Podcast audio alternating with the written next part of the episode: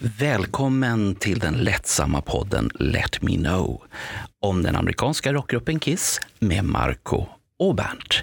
Nu kör vi!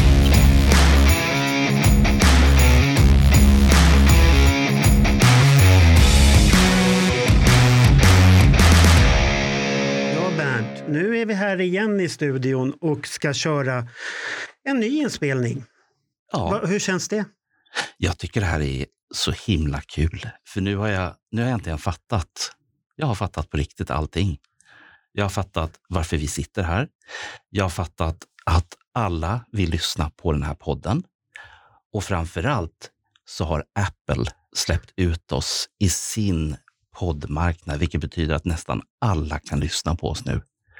Och därför kan jag tycka att det som vi ska göra idag är rätt sak vid rätt tillfälle med rätt personer.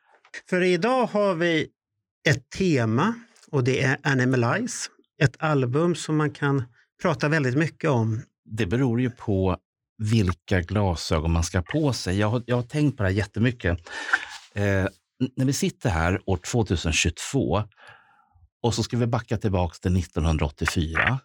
Och, och då har ju du så att säga en verklighet där Animalize passade in då. Mm. Och så har du en annan verklighet nu. Ja, det stämmer. Men, men vi har ju då backat upp med två gäster som är två st- stora sociala mediapersoner. Det är Magnus Fredriksson från Destroyer Alive som han var med och startade. Så välkommen Magnus. Det tackar vi för. Mm. Och sen har vi Johan Wallin som har en historia om, hur ska man säga, grupper på nätet. Jag vet inte hur många grupper det är, men välkommen i alla fall Johan. Tack så hjärtligt. Mm. Och det, er har vi ju kallat hit för att vi båda när vi diskuterade det här Bernt och jag kom fram till att ni är två experter för Animalize, för ni står alltid på barrikaderna och viftar med er Animalize-flagga och skriker det här är det bästa som finns. I vilken situation som helst så kommer den här flaggan upp. Nu, nu får ni förklara för oss vad vi har förstått fel och vad vi har förstått rätt. Så att ni är med på den resan. Vad tycker ni om det? Ja, nej men, så- nej men så är det. Jag har ju varit uppe här nu i tre, fyra timmar och stått och viftat med mina Animalize-flaggor här och jag är i Dalsland just nu här så att eh, bönderna här eh, är med på tåget. Så de, eh, de ger tummen upp till Animalize eh, Jaså? från 1984. Ja, visst. Jag måste ju fråga en sak. Är du säker på att det är tummen de håller upp? Jag tänkte med, med åren så blir man ju lite sådär, äh, li, lite sådär lömsk på, på, på synen och blicken. Man kanske inte ser så bra längre som man gjorde när man var 22. Nej, men jag har faktiskt bra eh, syn så att jag eh, ser vilket finger som är uppe. Så att det är alltid tummen upp. Ja, ja. Eh, eh, nej, men alltså... Jag vet inte var man ska börja någonstans, men man har gjort sig känd tidigt som den här Kiss-stjärnan som i sitt hemområde. Så, så man har ju stått upp för Kiss eh, i alla tider. Även under de svåra tiderna eh, som eh, jag var som Kiss-fan så har jag stått eh, med en Kiss-flagga. Kanske inte har varit eh, Animalize-flaggan, men eh, jag har faktiskt stått upp för det. Stämmer att du har stått upp? För det, det Mm. såg jag ju på senaste Destroyer Live-avsnittet där att du ville ju att gubbarna ska fortsätta att spela och du fick ett fruktansvärt mothugg ut, ut Alexander och Nils där som tyckte att nu ska det vara slut. Men inte du. Du tyckte att det skulle men fortsätta. Alltså, alltså, gnälliga, griniga gubbar eh, kan ju de få vara då. Jag menar, jag, jag tänker att det, det är väl roligare om Kiss existerar än att de inte existerar. De här minnena har vi kvar oavsett eh, vilken turné vi, vi gillar. Så att, eh, det är väl bara jättekul. Eh, Jag har inga problem att se Kiss om fem, sex år. Om de vill köra så kommer jag åka dit eller eh, och kolla på det. För jag tycker, why not? Nej, nej, Eh, nej. bäst före-datum har passerat, absolut. Men Men har du läst kommentarerna sen att du fick ju medhåll? Det var ju Ja, fler, ja, det var ju fast det- fler, ja, som, men det är det, kul. det, var, det var ju Ja. fler som höll med dig att, att det, såklart banden får spela så länge de vill. Det är ju deras jobb Mm. och de kan ju ingenting annat heller. Så, att det, så de kan ju inte leva på konsten och, eller någonting sånt. Så att De får försöka Nej, leva på det de kan. Precis. Jag, jag, hade väl en längre utläggning om det här. Att, eh, på något sätt, mm, de har ju bara ett liv och, mm. och det de är bäst på och det är att vara eh, de här medlemmarna i, det här rockbandet som vi pratar om. Och, eh, jag tror att den kärleken går aldrig ur. Jag, jag, jag, jag, gissar att de eh, kommer köra på tills, eh, tills, inte, tills de inte finns längre. Ja, på, på något eller annat sätt så kommer det ju ske. Så att är det mm. inte i Kiss så är det väl mer i kanske soloprojekt och sånt här. Men risken finns att, som Alexander inte vill se, att man kan dö på scen. Den, den risken finns med både Gene och Paul, tror jag. Att det, ja, det, det, det, kan och, bli knall och fall, för det är båda sådana personer. Sen, sen kanske att Paul är färdig med Kiss-kostymen känns det som. Medan Gene inte är det, kanske kommer vara det, men fortsätta med musik på något eller annat sätt, det kommer de göra. Det kanske blir äntligen de där unplugged-spelningarna som vi vill ha med Kiss. Eller hur? Och mera obskyra låtar. Ja, äntligen i sådana fall. Men, men om vi presenterar in Johan Wallin här nu då. V vad, vad har du ja. att säga om ditt kiss, kissliv här nu? Det började 1980 genom en eh, kompis som gick på lekis. Hans brorsa Rickard var ett stort Kiss-fan. Och en dag så eh, följde jag med Danne, som min kompis heter, då, eh, hem till honom. Och då hörde jag... Det var, ja, jag tyckte först att det var oväsen från hans rum. Men sen gick vi in i rummet hela rummet var fyllt av planscher då av Kiss från Poster. Han spelade då eh, Alive och eh, jag frågade vad det var för någonting. Och han gav mig konvolutet och jag tittade och direkt så hade jag bestämt mig att det här måste vara det bästa. Och eh, han frågade, har du, hört, har du hört Kiss tidigare? Nej, jag visste inte vilka det var. Och eh, jag fick bläddra bland hans skivsamling och såg då Dress to kill. Eh, jag frågade, kan jag få höra lite grann från den? Jajamän, sa han och slängde på den. Och tyckte det var riktigt bra. För jag har ju en stora syster som är två år äldre än mig. Hon gillade ju ABBA. Jaha, okej. Okay. eh, hon var ABBA-fan. Så att detta var på, måste ha varit på sommaren 1980. Eh, och jag bodde då i Hagsätra, som då hade en skivaffär. Jag var med mamma eh, någon vecka senare och såg Unmasked som var ju relativt nysläppt. Den släpptes väl i maj 1980. Ja. Och eh, köpte den skivan och tyckte att det lät väldigt konstigt mot Alive. Eh, det var ju lite poppigare än med. tog två, tre veckor innan, jag, innan en plansch ramlade ur ur konvolutet. Det hade inte jag upptäckt från början, för det var ju en Hollandspress och då var ju med, med affisch. Jaha, okej. Okay. Eh, och då, hade jag, då, då bestämde jag mig att det här måste vara världens bästa band. Om man får en affisch med vinylen, då måste det vara världens bästa band. Och sen blev det väl... Ja, det tog väl kanske två, två tre år innan jag riktigt blev ett Kiss-band. Det var väl Lick It Up. Ja, ja. Som, som jag verkligen kände att det här är bandet det var lite konstigt egentligen att The Elder kom in någon gång 82, 83 och det var ju jättekonstig skiva för det lät ju inte som Kiss. Men ändå tyckte jag att det var bra. Och även där fick du en affisch om, om du köpte Norgepressen. Så att kring 83, 84 då, då, då gick jag all in för Kiss och kö, köpa mm. tidigare plattor. Och, och Okej okay hade ju kommit och ja, då köpte man ju Okej-tidningen och man köpte ryggmärken och pins och nitarmband och började låta håret växa ut. Och, ja, sen dess är det en evig kärlek till det bandet. För jag blir ju lite nyfiken, för du sa det magiska ordet Hagsätra. Jag är ju född och uppvuxen i Rågsved som är då eh, grannförorten. Och, ehm, Precis. ja, och att eh, det fanns en skivaffär som låg på hörnan i, i det här fyrkantiga, fyrkantiga centrumet i Hagsätra. Jag hittade aldrig några Kiss-skivor där. Var det du som köpte upp dem? Ja, det kan, kan väl vara ansvarig. Ja, nej, jag minns ju att de hade väl... Eh, som sagt, de hade ju Unmask som jag köpte där och sen tror jag att senare så fick jag beställa eh, skivor av Kiss. Eh, om jag minns rätt. Jag minns att jag köpte det äldre där också. Men de hade som sagt, som, som du säger, att det var ganska snålt med men eh, mamma pratade med dem och jag visste väl ungefär vad jag ville ha. Och jag tror för mig att de hade någon, någon typ av perm vilka skivor man kunde beställa. Och därmed så beställde de hem och så om de ringde eller om jag gick in och frågade har min skiva kommit. Så att, eh, ja, men jag kommer dessvärre inte ihåg vad skivaffären hette. Nej. Det gör inte jag heller. Tyvärr. Och det, det borde jag göra eftersom jag har bott i, dina, i, i de trakterna mycket längre än vad du har gjort. Men ja. för att eh, vi andra, vi fick ju åka till Högdalen istället. Och så fick vi ja, gå på det. expertbutiken eller på Domus skivavdelning som fanns på den tiden. Och jag tror fortfarande att Tempo var kvar och hade sin ja. skivavdelning de också. Så att vi som bodde i de här trakterna, vi hade ju jättemånga ställen att gå och köpa både singlar och, och LP-skivor i. Så att det, det, det, var kul. Ja. Det var kul att höra det här med, med Hagsätra, Johan. Var det en liknande resa för dig, Magnus?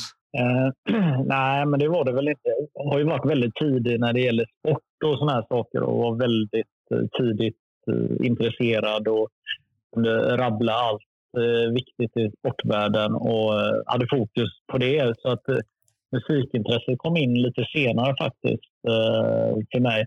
Nu med facit i hand så Eh, var det i tid, höll på att säga. Men, men det var en viktig tid när man faktiskt är med i matchen på riktigt. Jag var väl eh, 11 år ungefär då och eh, Licket Up var väl den nyaste skivan som, som vet det, var ute då. Det var väl då eh, Kiss tog över mitt liv då kan man säga. Och, eh, jag bestämde mig helt enkelt att eh, de här är bäst. Eh, och jag har inte ändrat det än idag. Då. Eh, det är några år sedan. Då. Så att, eh, ja, men det var ju en, en, en eh, granne till mig som eh, hade köpt Lick skivan och så satt vi och lyssnade på den så tyckte jag att den var väldigt bra.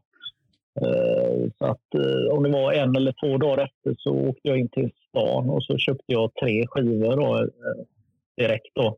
Jag köpte inte Lick skivan Dels hade ju grannen den och dels var ju den nypris. Den var ju dyrare då. Så att, eh, men de här Kiss-skivorna kunde man få tre stycken för ja, 100 kronor var det väl ungefär.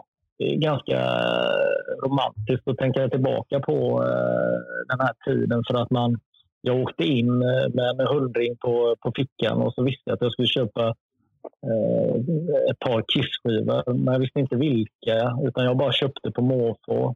Eh, och sen gjorde jag om den proceduren två helger i rad. Då, så att, ja, kan man sin matte så förstår man att eh, på två veckor då, eller tre veckor då, så hade jag nio skivor inhandlat eh, i min eh, eh samling. Då. Och min skivsamling innan dess det var ju eh, Gyllene Tiders eh, Moderna Tider och sen var det väl Magnus, Brasse och Eva eh, gissar jag. Lite skivor, eh, sådana barnskivor och så kanske någon eh, Frölunda-singel och någon BK Häcken-singel och en IFK Göteborg-skiva tror jag hade också. Okay. Men, så, så att, eh, men jag, jag har ju minnen innan. Eh, alltså, alltså jag är ju runt 83-84. Jag är ju 12 år då, så jag, jag kommer ihåg när Creatures of the Night kom, men då kommer jag ihåg att då går jag väl säkert i fyran eller någonting och då var de stora tuffa killarna som, man, som man var livrädda för som gick i sexan. De gick ju med bergsprängare och lyssnade på I Love It Loud och sånt där. Det, det kommer jag ihåg, men jag, då var inte jag riktigt redo för eh, att vara intresserad av musik. Så att, eh, jag tyckte nog att Kiss var något, något konstigt. Då. För Kiss har väl funnits någonstans i bakgrunden men, men jag har inte varit intresserad. Jag hade ju varit så himla idrottsfokuserad där. Så att, eh, ja. Men, men det kom till slut i alla fall. Men, men ni skapade ju en annan karriär sen, båda två. Om man ser en med Destroy Alive och en med Kiss Nerds. Hur, hur kom det sig att ni båda tog det steget?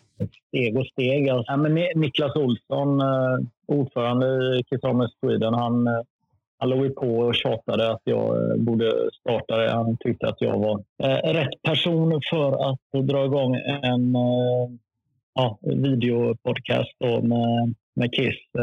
fanns ju en amerikansk förlaga, Beside of Coin. Och det var väl den som var inspirationen då. Att, att ett par personer skulle sitta och prata om Kiss. Då. Du var ju själv ja. i början och satt där i garderoben eller vad det var och pratade. Ja.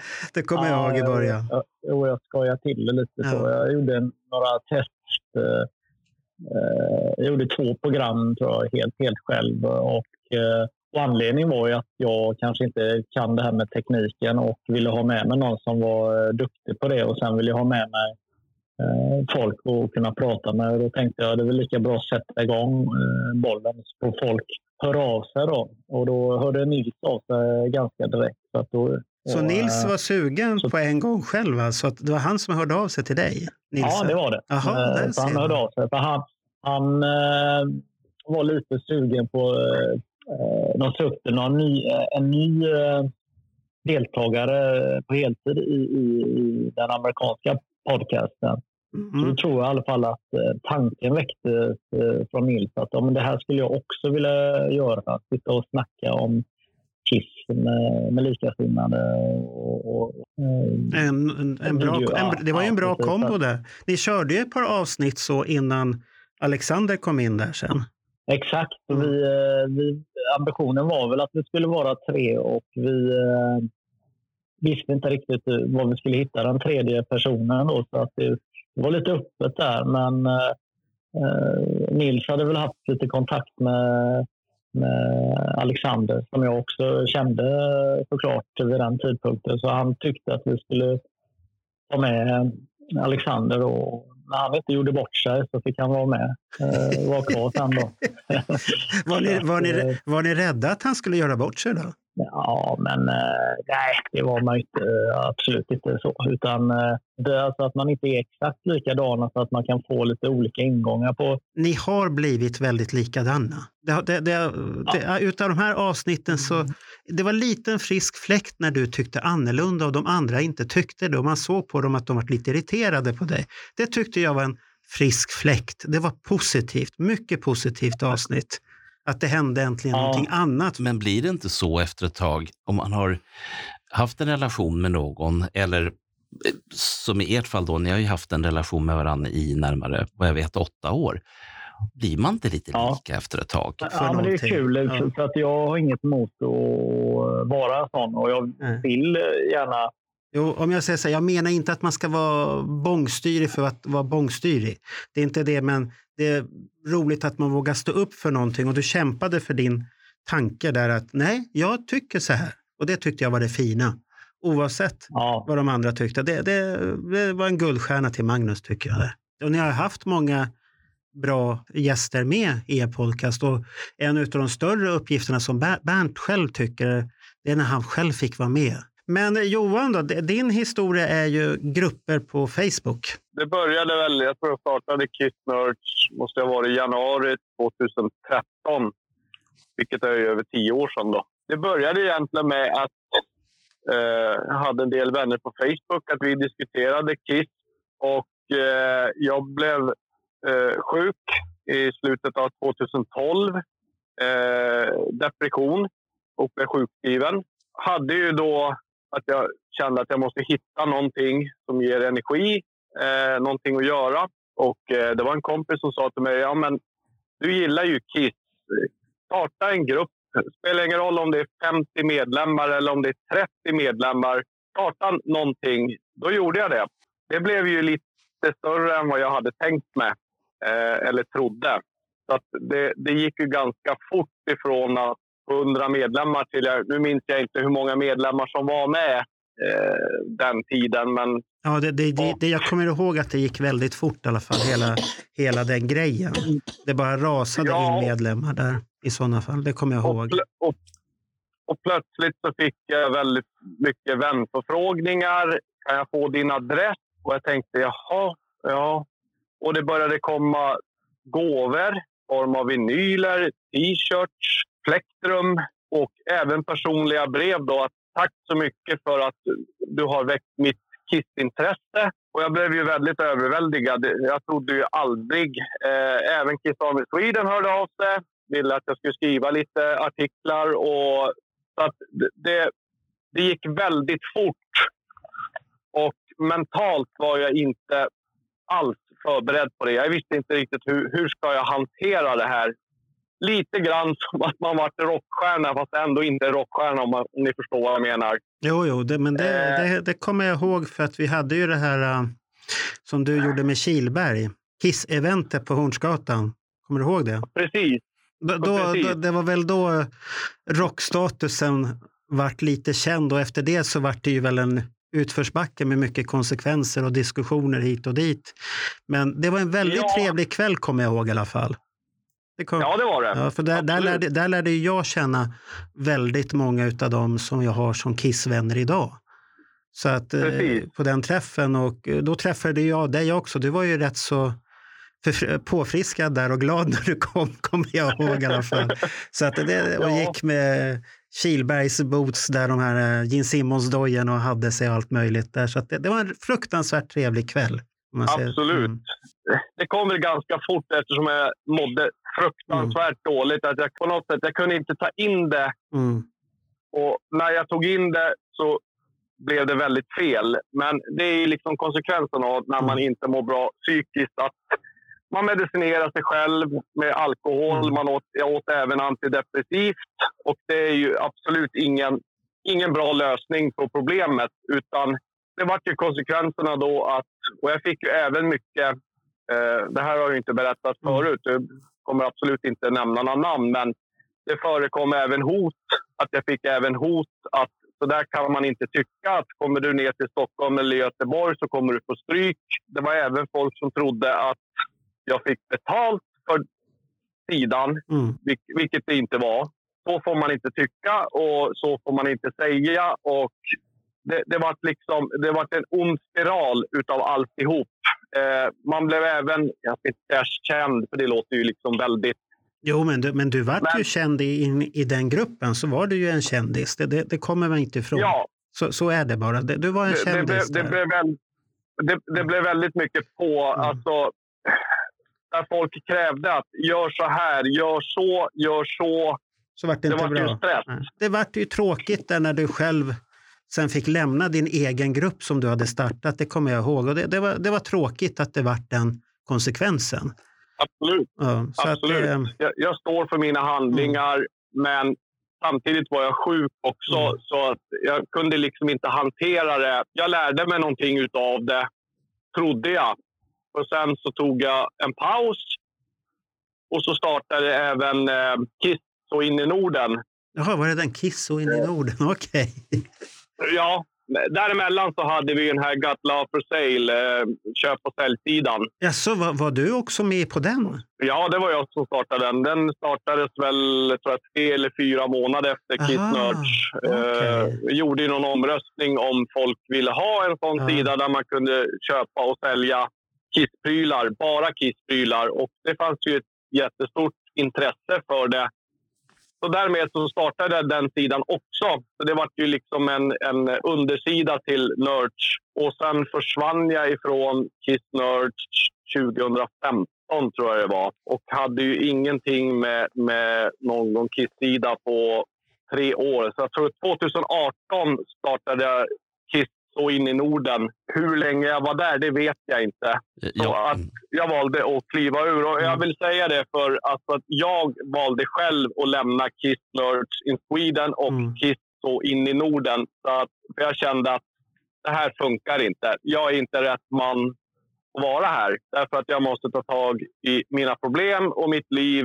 Och därför så tillför jag ingenting. Två år sedan så startade jag min egen sida, Crazy Night with you one. Går det bättre nu? Ja, det går bättre. Ja. Jag har lärt mig fruktansvärt mycket de här åren. Eh, jag vill även eh, nämna Nalle Paulsson, som alla kanske vet vem det är. Yep. Han sträckte ut en hand till mig och har varit en jättebra vän sedan ja, Kiss Nerds in Sweden-tiden. Han vet allting om att må dåligt och han har varit bollplank Eh, och är fortfarande än idag. Så han vill jag absolut tacka jättemycket. Han har alltid brytt sig, han har stöttat, han har kommit med goda råd. En fantastisk människa. på alla sätt och vis. Han är en rockstjärna, men han har ett hjärta av guld. Så eh, idag mår jag bättre. Eh, jag kämpar med det varje dag, men jag har verktygen. Så att säga. Hur, när jag inte mår bra, så var inte på sociala medier. Och när du mår bra, så går det bra att vara på sociala medier.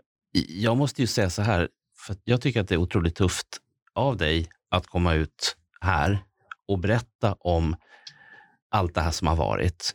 För Ja. att, för att eh, jag kan ju relatera till viss del till hur det känns liksom att eh, gå omkring så att säga, och, och, och ha en ångest för, för, för någonting. Eh, och väldigt rejäl, tung sån. Ehm, Ja. Men att, att, att berätta så här nu i efterhand, jag tycker det är jävligt starkt det också. Så att, eh, hatten av för dig Johan, det, det är vad jag säger. Och Nalle Paulsson träffade jag på ett bröllop för inte så länge sedan.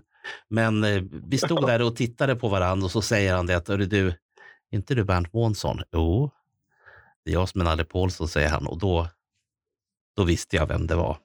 Nej, det är en, det en, det varm och, och god människa.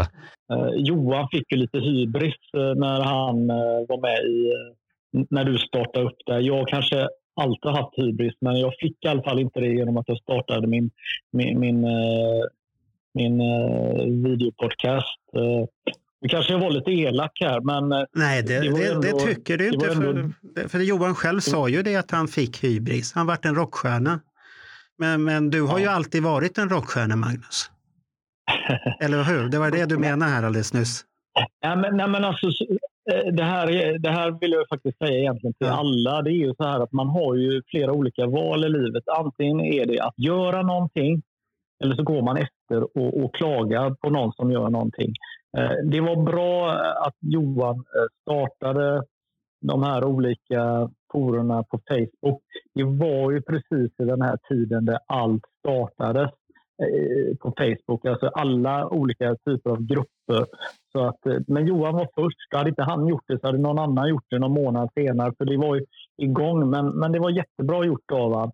Och det är så här i den här lilla ankdammen som vi lever i så, så får man faktiskt förstå att gör du någonting, det som ni gör eh, killar, det finns folk ute i stugorna som eh, hyllar det, men det finns också sådana som tycker åt andra hållet. Precis som det är när man engagerar sig eh, och skriver för Destroyer-tidningen eller gör en, en eh, podcast. För det finns alltid folk som tänker och tycker att du ska inte tro att du är någon bara för att du gör det här och sånt där. Så att, att det, det, det är ju vettigt om man vet om att, eh, att eh, exempelvis den här kissvärlden är liten och att det finns folk som, eh, som tycker att man är kass och dum i huvudet och alla de här bitarna. Ja, men då, då, får, då får de väl tycka det i sådana fall. Jag är väl kanske lite ödmjukare än så. Jag skulle vilja säga så här att eh, Mark och jag gör ju det här inte för oss eh, båda, utan för oss alla. Kiss-communityn i Sverige. Och så länge som det finns intressanta ämnen att prata om, då kommer ju den här podden att finnas kvar. Men om det nu är som så att det finns de som sitter i stugorna och känner att nej, då är det jätteviktigt att de träder fram. Ta kontakt med mig eller ta kontakt med, med Marco. För jag tror att de här har fullt med spännande berättelser i sig som de inte har kunnat berätta eller inte velat berätta. Så att, varsågoda, säger jag. Välkommen.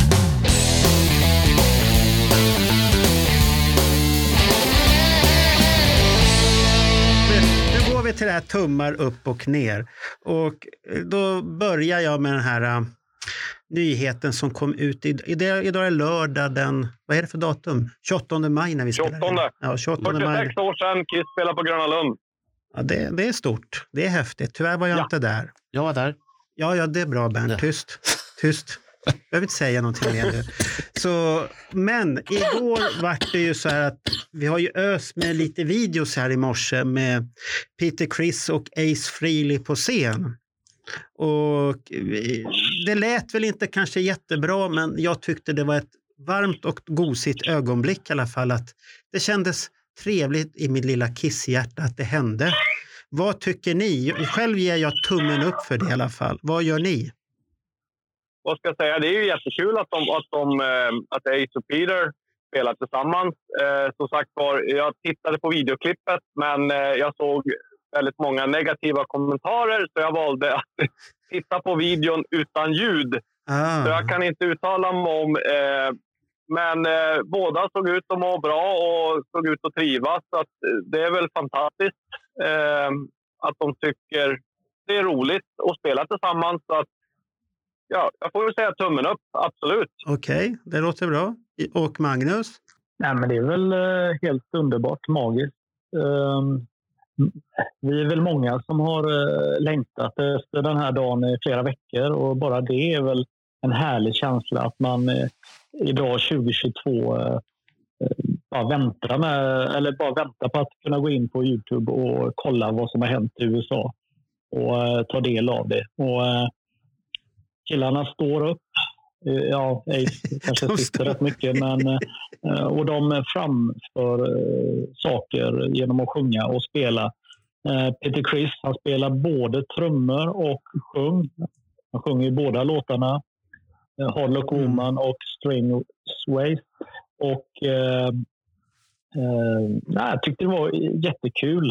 Eh, jag kan eh, undra lite hur eh, Ace Frehley mår faktiskt. Eh, det är väl eh, eh, som man kan undra över då. Men eh, jättekul att två originalmedlemmar spelar tillsammans. Det är ju otroligt historiskt igen att två stycken or- originalmedlemmar spelar tillsammans. Men det inte är Paul och Gene inblandade. Då. Mm. Så det är stor tummen upp i alla fall där då. Och Bernt, han ser frågande ut här. Ja, jag, jag sitter och tänker. Jag sitter och tänker på, sitter och tänker på förväntningar. Jag har um, under ett par månaders tid, både här i podden och även i eh, uh, Minkis uh, vlogg, eh, peppat ganska mycket för det här. För att jag har liksom känt att förvänt det har varit så enorma förväntningar. Eh, antingen har jag satt dem själv där eller så har jag ärvt dem utav, utav andra. Och sen ehm, när jag då ser det som Mark brann och tack gode gud för att han har spelat in det här och förevigat det så att vi kan sitta i, i morgontofflorna och titta på det här. Men samtidigt så känner jag att nej, jag vet inte. Har jag, har jag förväntat mig för mycket? Utan vad, vad jag fick se det var två farbröder som inte såg så glada ut i att träffa varandra utan mera plikttroget gjorde det som de skulle göra. Och då blev jag lite ledsen.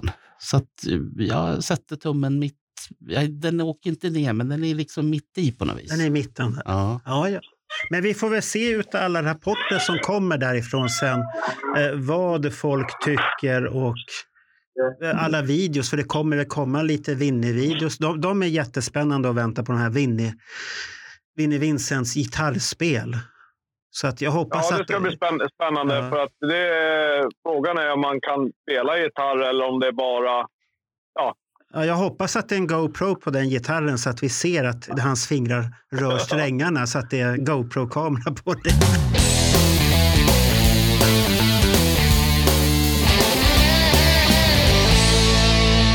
Animalize ser jag som en brytpunkt mellan metallen som var på Creatures of the Night och Lick It Up när Kiss försökte vara ett metallband. De är på väg till ett pudelband. Samtidigt så är det ett band som styrs av Paul Stanley. Så är det Paul Stanleys Kiss vi får se här och så, som kommer fortsätta ett antal år till. Ja, nej, men alltså... Eh, 84 så hade ju Gene fått för sig att han skulle bli filmstjärna. Så att hans engagemang för bandet var ju inte stort. Så att Paul var ju tvungen att ta kaptensrollen för att detta ska kunna fortsätta. Och tittar man låtmässigt på skivan så är det ju Pauls låtar som är de starka korten. Även om många tycker att Jeans låtar är väldigt svag, vilket jag inte riktigt håller med. Burn Bitch Burn är inte alls så dålig som många tycker och tänker om. Men det är inte Jeans. Jean är väl inte riktigt närvarande. Samtidigt är de inte så dåliga som många hävdar att det är. Ta er tid, lyssna i hörlurar, njut.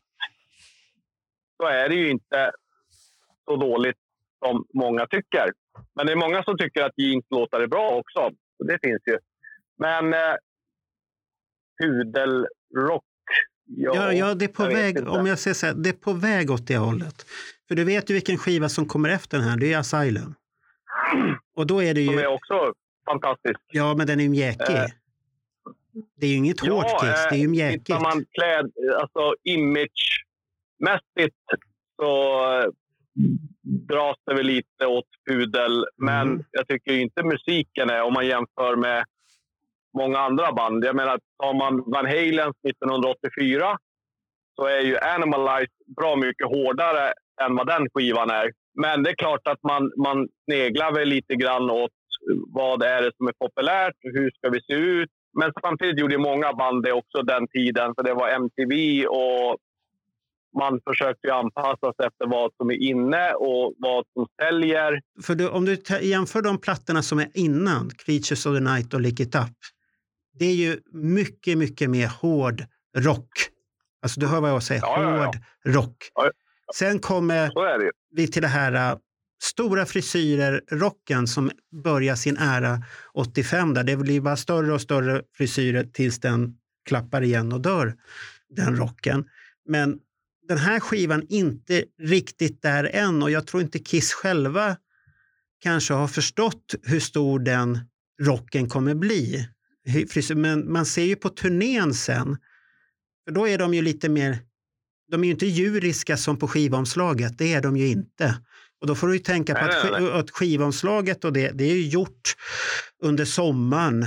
Och det här har de spelat in i studion under våren. Så då, då är det fortfarande de skivor som kommer 83 som har påverkat dem som är rätt så hårda. För sen, och de här mjukskivorna, de börjar ju komma sent 84, Bon Jovi och liknande sådana här man säger så, när vi är på väg åt det hållet. Jag ser inte så fundersam ut Bernt, men jag gillar lite hårdare musik om man säger så. Så att eh, Men Marco, det är på väg åt någonting. Men det är inget fel på skivan, det är inte det jag säger. du, du måste ju också tänka på, eh, som, jag sa, som jag sa inledningsvis, att man måste titta med sin kikare tillbaka i tiden så att man ser hela tiden. Du är lite inne på det nu och pratar om att när Kiss eller Paul, eller vem, vem kaptenen nu är, eh, att de tittar tillbaka till 83. Och där har du ju till exempel Heavens on Fire, som, som är en sån där låt där man tittar tillbaka. Men jag roade mig med att titta på vilka band överhuvudtaget som gav ut skivor under 84. Och det var inte så jävla hårt på den tiden, utan det är som du är inne på, det var mycket smink och mycket hårspray och håret skulle upp innan det så småningom skulle ner i pudelfrisyrer och den typen av musik som, som gällde då. Men, eh, så att, eh, nej, men tillbaka, tillbaka till, till Johan. Eller, vad- eller vad säger Magnus? Har Magnus någonting att komma in med? Vad han tycker men om absolut. helheten? Alltså, någonstans här så måste man eh, sätta sig ner och eh, fundera vad det är för tid eh, som det är här mellan 83 och 84. Då. Eh, Vi har i USA så startar man 81 MTV. Det slår väl några år senare runt eh, 83. Titta på hur videorna ser ut med alla artister runt eh, 83. MTV har alltså inte slått igenom som vi lärde känna MTV när vi i Europa fick eh, eh, Sky Channel och Music Box och, MTV. Men det fick vi ju 87 först. Men Mm. den här tidigare åren, då, 83, så var det, det skulle vara mycket handling i, i, i eh, videorna. Typ som eh, Lick It Up och All Hell's Breaking Loose. Men redan under 84 så händer någonting. Alltså det blir en liten förskjutning av det hela. Och, och man, eh, man konstaterar ju att eh, Paul Stanley är ju stjärnan i bandet. Han ser rätt ut.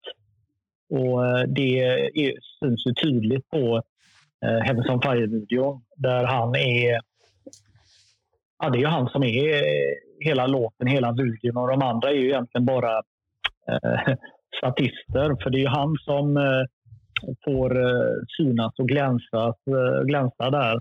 Och eh, vad jag förstår eh, går hem ganska bra i stugorna runt om i världen. Han eh, är precis det som Kiss behöver för att kunna ta sig tillbaka. Och det gör man ju med den här låten då som blir eh, väldigt stor. Eh, över hela världen.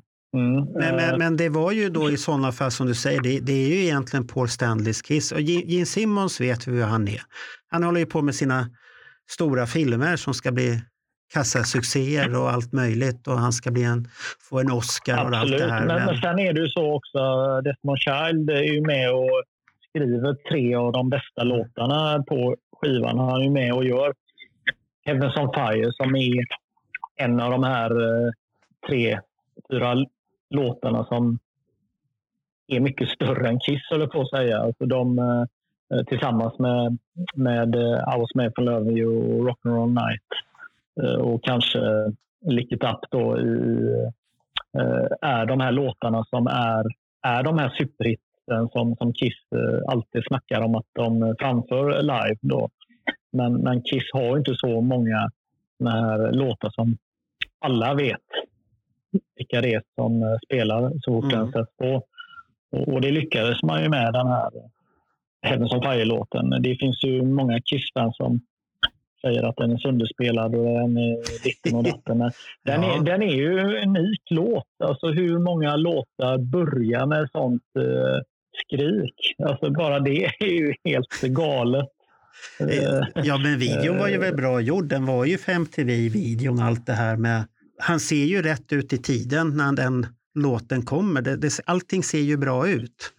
Det funkar ju gott och väl. Sen att Gene, Sim, Gene Simmons försöker se lite häftig ut, men han, han ser väl lite trött ut där, men, men samtidigt funkar det alltihopa där. Nej, men alltså det är ju, det är ju, det är ju egentligen... Eh, men på I Love Loud-videon så ser Kiss rätt ut och sen är det på Heavens on Fire-videon. Sen, sen, är det ganska, ja, det är möjligt att de ser rätt ut på eh, Crazy Nights-videorna där också. Men, men eh, på Asylum-videorna så ser de ju bedrövliga ut. Lick it up. Ja, jag vet inte riktigt. Det kanske har åldrats. Jag vet inte vilket håll Ja, det, det, det, men, de, de, funkar väl, men det, det är ju väldigt det här uh, Mad Max-stuket och Road Warrior-stuket, att kolla, världen ja, är kolla, slut. Nu är världen slut. Forever-videon är ju fantastiskt ja. eh, mm. snygg där. Och, men, men, men sen, sen så, ja, Gene Simmons ja. kanske ser för taskig ut på, på många av de här andra videorna i slutet av, av 90-talet. Där när de nästan blivit gubband eh, tack vare ja, Simmons då tyvärr. Eh, nu i backspegeln, det kanske man inte tänkte då, men, men, så är det. Men, nej, men så att eh, Animal Eyes slog väl ganska bra in på den nya generationens kristna. De, de unga, alltså de som det, det har vi pratat om i vår podd många gånger om att, att Kiss har ju olika liv och här har ju då kanske andra eller tredje generationens kristna dykt upp då som, som gillar det nya Kiss. Mm, mm. Jo, jo, för det, det, skivan blir ju en succé och turnén blir ju en succé. MTV som spelade in den här äh, live-videon som vi alla har sett och vi, som vi alla säkert tycker är fruktansvärt bra. Den, äh. den var det i alla fall på VHS. Ja, jo, men den är bra. Den finns, den finns på Youtube att se i olika varianter, men den, den, är riktigt bra. Men vad tyckte ni om Mark St. John?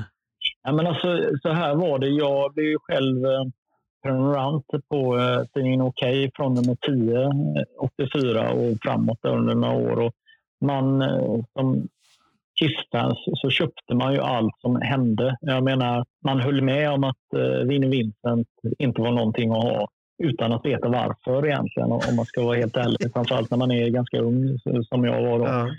Så, så, så, man höll ju med de som skrev artiklarna, okej, okay, att Winner var kast.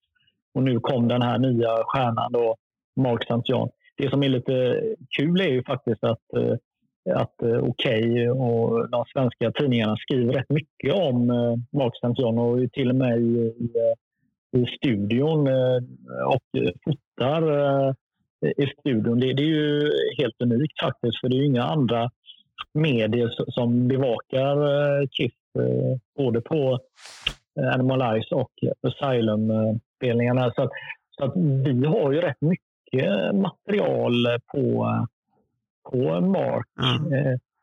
Och tror ju då att det är han som ska dyka upp. Då. Jag menar, jag, det är min första konsert då, 84. Så att att jag tillhör väl en av väldigt många som, som tror att eh, Mark St. ska dyka upp.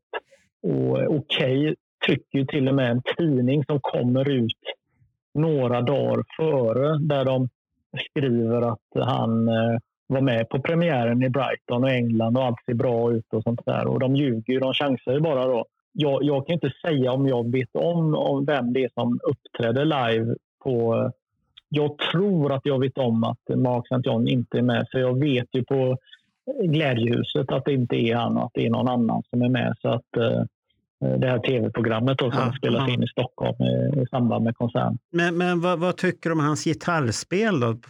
Har det satt sina spår på skivan någonstans? Och, uh, satt, ja, några, alltså, satt några spår i Kiss-världen överhuvudtaget? Det, det, är väl klart att uh, han spelar inte som Ace Frehley och han spelar inte som Vinnie Vincent. Så, så, bara där så blir det ju en, en, en ändring. Men nu med facit i hand så så är det alldeles för krångligt att veta när det är han som spelar eller när det är Bruce Kulick som spelar. Men, men han spelar ju på, på skivan och det, det ja, det, ja det, man, man, kan, man kan hitta spår. Jag, det finns på Youtube ett klipp där man kan höra hans spelinsatser. Ja, och, och, och, det är ju väldigt mycket krusidull, krusidullgitarr. Ungefär ja, det, det, det, det, det, är ju det så, så vid den här ja. tidpunkten. Ja. Jag menar, Van Halen var väl mm. den nya hjälten och det, det, var ju det här gitarr... Det kom ju sen den här berömda videon som, jag kommer inte ihåg om det var Extreme Close-Up. Ja, det måste det ha varit. Någon, jo, det måste ha varit Extreme Close-Up. Det är 92, 93 de spelade in den och sånt där. Och då har du ju en Gene Simmons som sitter och pratar om såna här gitarrspelare som låter som humlor. Så här, bzzz, Angry Bee. Ja, skjut bort dem. Så att jag, jag tror mm. inte att han tillhörde någon som Gene Simmons tyckte var riktigt bra eller så. För att vi vet ju vad jag har hört här nu på olika poddar och på olika ställen att det är ju Paul som hade honom i studion och valde honom in i bandet och tyckte att han skulle vara bra. Ja, men, ja, men det var ju vad jag förstår i stort sett nästan en sån här musikhandlare som han Paul Stanley frågade, eller någon som ja. säljer gitarrer, som tipsade om den här killen och Mark eh, Norton eller vad han nu hette. Och, och eh, Paul bara tog in han eh, och kör, körde på det. För han hade väl den uppgiften att han skulle lösa det och han, han kanske inte la ner det arbete han behövde göra hela vägen. Så jag tänker bekväm. Det, det kan han ha varit. Han tog första bästa. Mm. För att, för att man tänker man på, så här, han, han, har ingen större karisma. Det är ju inte så att man blir så här, wow. Den känslan finns aldrig någonsin när Mark. John pratar. Nej, men alltså, I vanliga fall så får man ju kämpa för sin eh, mm. plats, om man ja. nu säger så. Alltså, du, du, vet, man, man får åka på träningsläger och kämpa en hel sommar och, och sen få visa upp vad man kan. Och så blir man utvald bland 50 eh, stycken och hela den här biten. Alltså, så är det ju oavsett om man söker jobb eller, eller vad det än är. Men mm. här, här måste han ha suttit och undrat vad sjutton var det som hände. Jag, ena dagen var jag en vanlig kille här och jag gitarrist i Kiss ja. utan att jag egentligen jag har inte mm. sökt. Hade, hade han spelat i några andra band innan? Någonting stort? Vet du det Johan? Eller? Nej, han var väl först och främst gitarrlärare. Men han upptäcktes ju ganska tidigt eh, av inspelningen av Animal Eyes att han hade väldigt svårt att spela samma solo två gånger. Vilket Paul var ju då väldigt frustrerad. Även hade det tydligen blivit något bråk med, mellan Mark och Eric Carr. Eh, där Mark hade sagt något spydigt åt Eric och Gene och Paul hade väl tyglat honom efteråt och sagt att så här funkar det i det här bandet.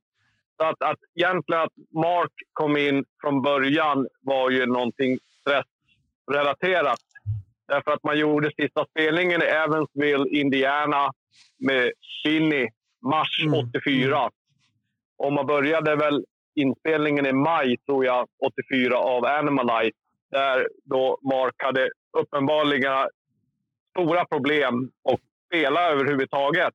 Eh, Paul sa åt honom så här vill jag ha det. Och han spelade en gång och så sa Paul att Nej, men det där vart inte riktigt bra. Nu tar vi om det. Och då, då gjorde han ett helt annorlunda solo mot första gången. Mm. och då är det lite kul att Gene har ju sågat honom längs fotknölarna eh, i alla tider. Att man tyckte inte om att man spelade snabbt. Men varför tog man in en sådan gitarrist om man då inte var överens om att hur vill vi, hur vill vi ha det? Paul har väl inte sagt så mycket positivt heller. Så att jag tror att det var någonstans en panik att man behövde ersätta Vinnie Vincent. Och Mark var då det enda alternativet, vilket man borde egentligen ha pratat med Bob Kulik. Att, eh, jag tror Kiss hade mått bättre av att ta in Bruce redan mm, från början. Ja, för han ja. la ju två solon på Eh, två Gene-låtar. While the City Sleeps och Murder in High Hills, tror jag det var. Eh, och Paul hade sagt då åt Bruce när han var i studion att eh, klipp inte håret. Vilket är ju lite anmärkningsvärt. Och då hade ju inte ens skivan, skivan var inte ens färdiginspelad. Och vi alla vet ju att Bruce fick ju hoppa in eh, när Europaturnén skulle börja i september. Så att, eh, jag tror att... Eh, jag tycker Mark... Eh, han är en duktig gitarrspelare, men han passade inte in i Kiss. Paul, Paul och Jeans eh, beslut om att ta in någon som Mark och som man då sen sågar är lite märkligt. Jag tror att det var desperation och inte genomtänkt. Nej, men alltså, genomtänkt är det överhuvudtaget inte för att eh, Kiss gör den här eh, långa Lick turnén Först i Europa, sen i USA. Och eh, schemat för det kommande året är ju redan klart. De vet om eh, vilken datum eh, nästa skiva ska komma ut. Och Europaturnén är bokad och en USA-turné är bokad.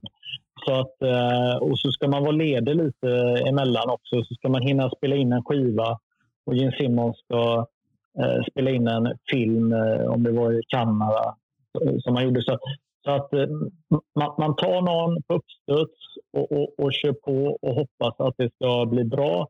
Och eh, Paul Stanley väljer att vara lat och inte göra grovjobbet och gå in eh, och, och, och rekrytera på rätt sätt.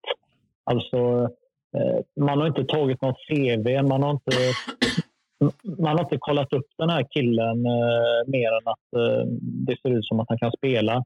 Och, vad han spelar är egentligen mindre eh, och betyder om han är bra eller dålig. Det, det, det, som, är, det, det som är grejen är ju, är ju att, eh, att de har gett honom ett eh, halvårskontrakt till att börja med då, från från sommar till slutet av året. Jag gissar mig fram och sitter med de här kostnaderna och inser jäkligt snabbt att det här, är ju, det här kommer inte funka och eh, det finns ju rykten även att, att de får reda på att han har eh, drogproblem och, och, och, och sådana bitar direkt. här.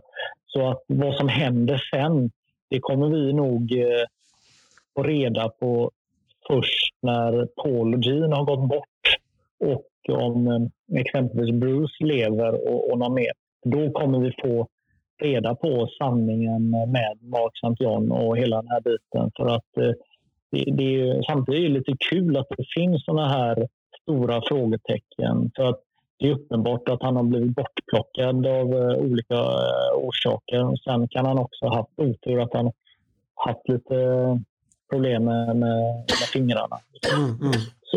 Jo, jo, men det, det kan jag. Men, men jag vet inte om man har påverkat skivan så himla mycket. Jag, tror, jag tror att egentligen att det är det är Paul... Han har inte påverkat nej, skivan. Nej, det, han, det, han, han, har, han, har inte gjort något kreativt. Utan han har blivit tillsagd vad han ska göra. Och det, det, det, något annat kan man ju inte göra när man är två dagar eh, ny in i ett band som har funnits i jättemånga år och varit eh, världsberömda i jo, jo. över tio år. Ja. Alltså då, då går man in och gör bara det som man blir tillsagd. Mm.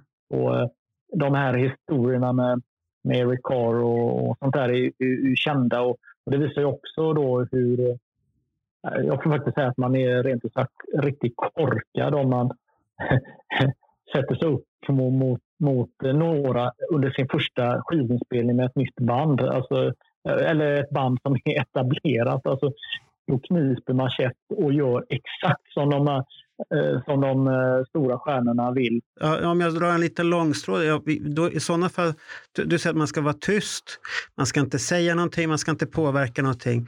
Eh, kan det vara det som Bruce såg?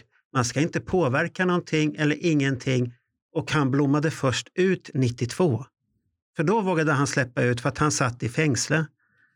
Det... Så, så, så, är det. Ja. För att varför man inte valde Bruce Kulick, det var ju... Eh, det, alltså, eh, folk som inte var med mellan 84 och, och 91, precis som du eh, jättebra gör, gör ett inspel på här, så, så, så är det ju så att eh, Bruce Kulick var ju den svaga länken, alltså som artist i Kiss.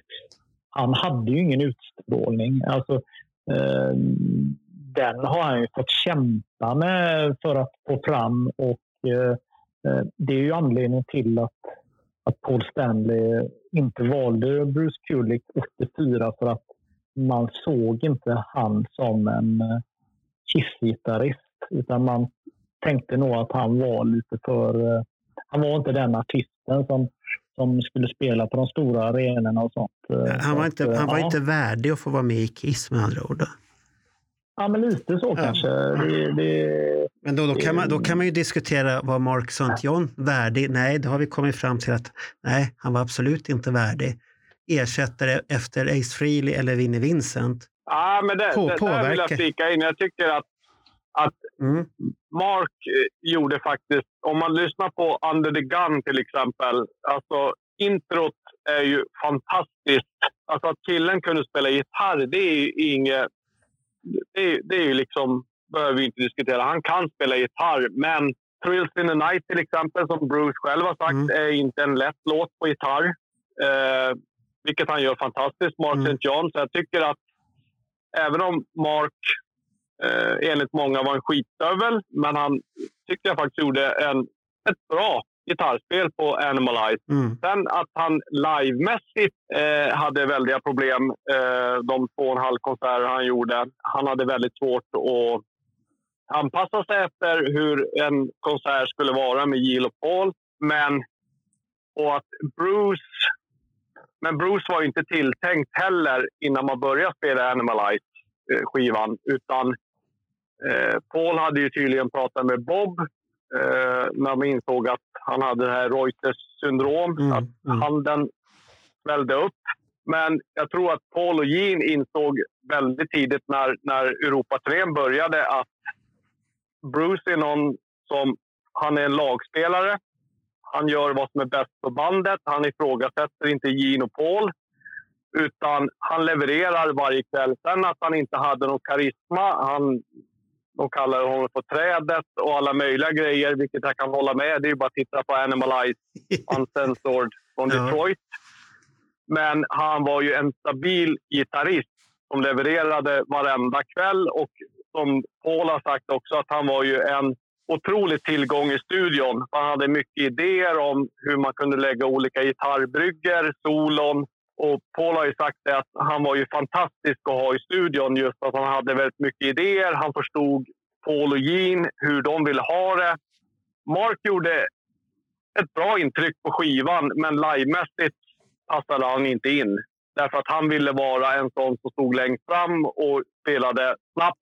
Och det tyckte ju inte Paul och Jean om. Det vet vi ju sen Vinnie Vincent var med. Men ändå tycker jag att Mark gjorde en, en bra insats på skivan. Men, men, du säger ju där att de vill inte ha någon som skulle sola som Vinnie Vincent och sånt där. Men lyssnar du på Mark St. Johns gitarrspel så är det ju en gitarr som blup, låter sådär. Det går ju ja, solo. Det, det, och det, det, det, det hörde, är det roliga i ja, hela. För att det måste att han ju ha hört. Varför tog man in en ja, sån? Det, det, det, går inte riktigt ihop de där tankarna. Nej, men det, det, det är ju därför mm. det är det jag är inne på. Det, det blir en massa efterhandskonstruktioner. Ja, man, ja. man ljuger med sanningen. Ja. Man, äh, man gör om sanningen. Sanningen var den att de inte visste vad de höll på med under den här perioden och bara körde på. Eh, problemet är för Mark St. Johns del är att eh, han fick ju aldrig någon chans. Eric Carr gick ju från, på en månad från att han var en nobody och han mm. skickade in ansökan och satt och väntade. Alltså, Mark St. John tid måste varit enormt kort.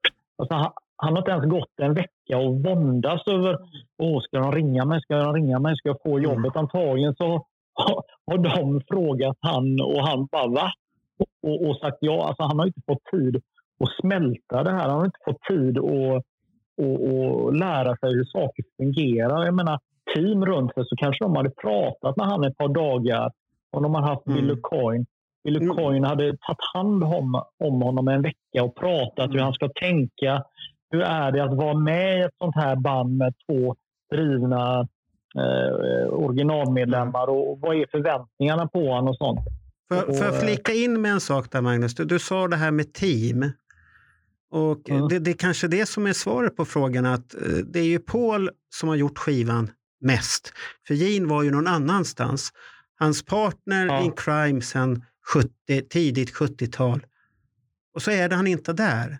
Han, han har ingen Nej. som kan flika in med något och säga någonting. Ja, har vi tänkt rätt här nu? Han fick nog inte, han satt där själv och fick styra skeppet då. För det här är ju, som jag uppfattar det, början på resan med Paul i rodret. Och Gene är någon annanstans. Och Gene hittar tillbaka till Hot in the Shade och Revenge. Då är han ju tillbaka för fullt. Mm. Han är ju borta. Det, det är ju det. Och får du inget stöd då blir det väl de här valen och man har panik med tider som ni säger, där, att man har inget val för mm. att man är pressad. Nej. Nu vet jag inte exakt när Heavens on Fire kommer till eh, mm. låten, men, men när de är inne i den här proceduren så vet nog både skivbolaget om och Paul om att jag har något bra här eh, med Desmond Child. Här. Mm. Den här låten eh, är skivans, eh, inte räddning, men, men, men eh, vi har någonting som kommer att göra alla nöjda. Som eh, Kiss hade ju skalat av Eh, alla de här eh, rådgivare och, och, och eh, mm. managers var, var ju lite borta. Så Paul Stanley körde ett eget race här, precis som du är inne på här, Marco. Mm. Så att, men just den här tiden är ju så oerhört intressant eh, faktiskt. För det är det som är det härliga. Kiss är ju världens bästa och största band genom alla tider. Det är vi överens om. Men de är också väldigt sårbara och det är det som gör det. Det är ju därför man gillar bandet. Att, att, att, det, är, att det är så här lite kaos.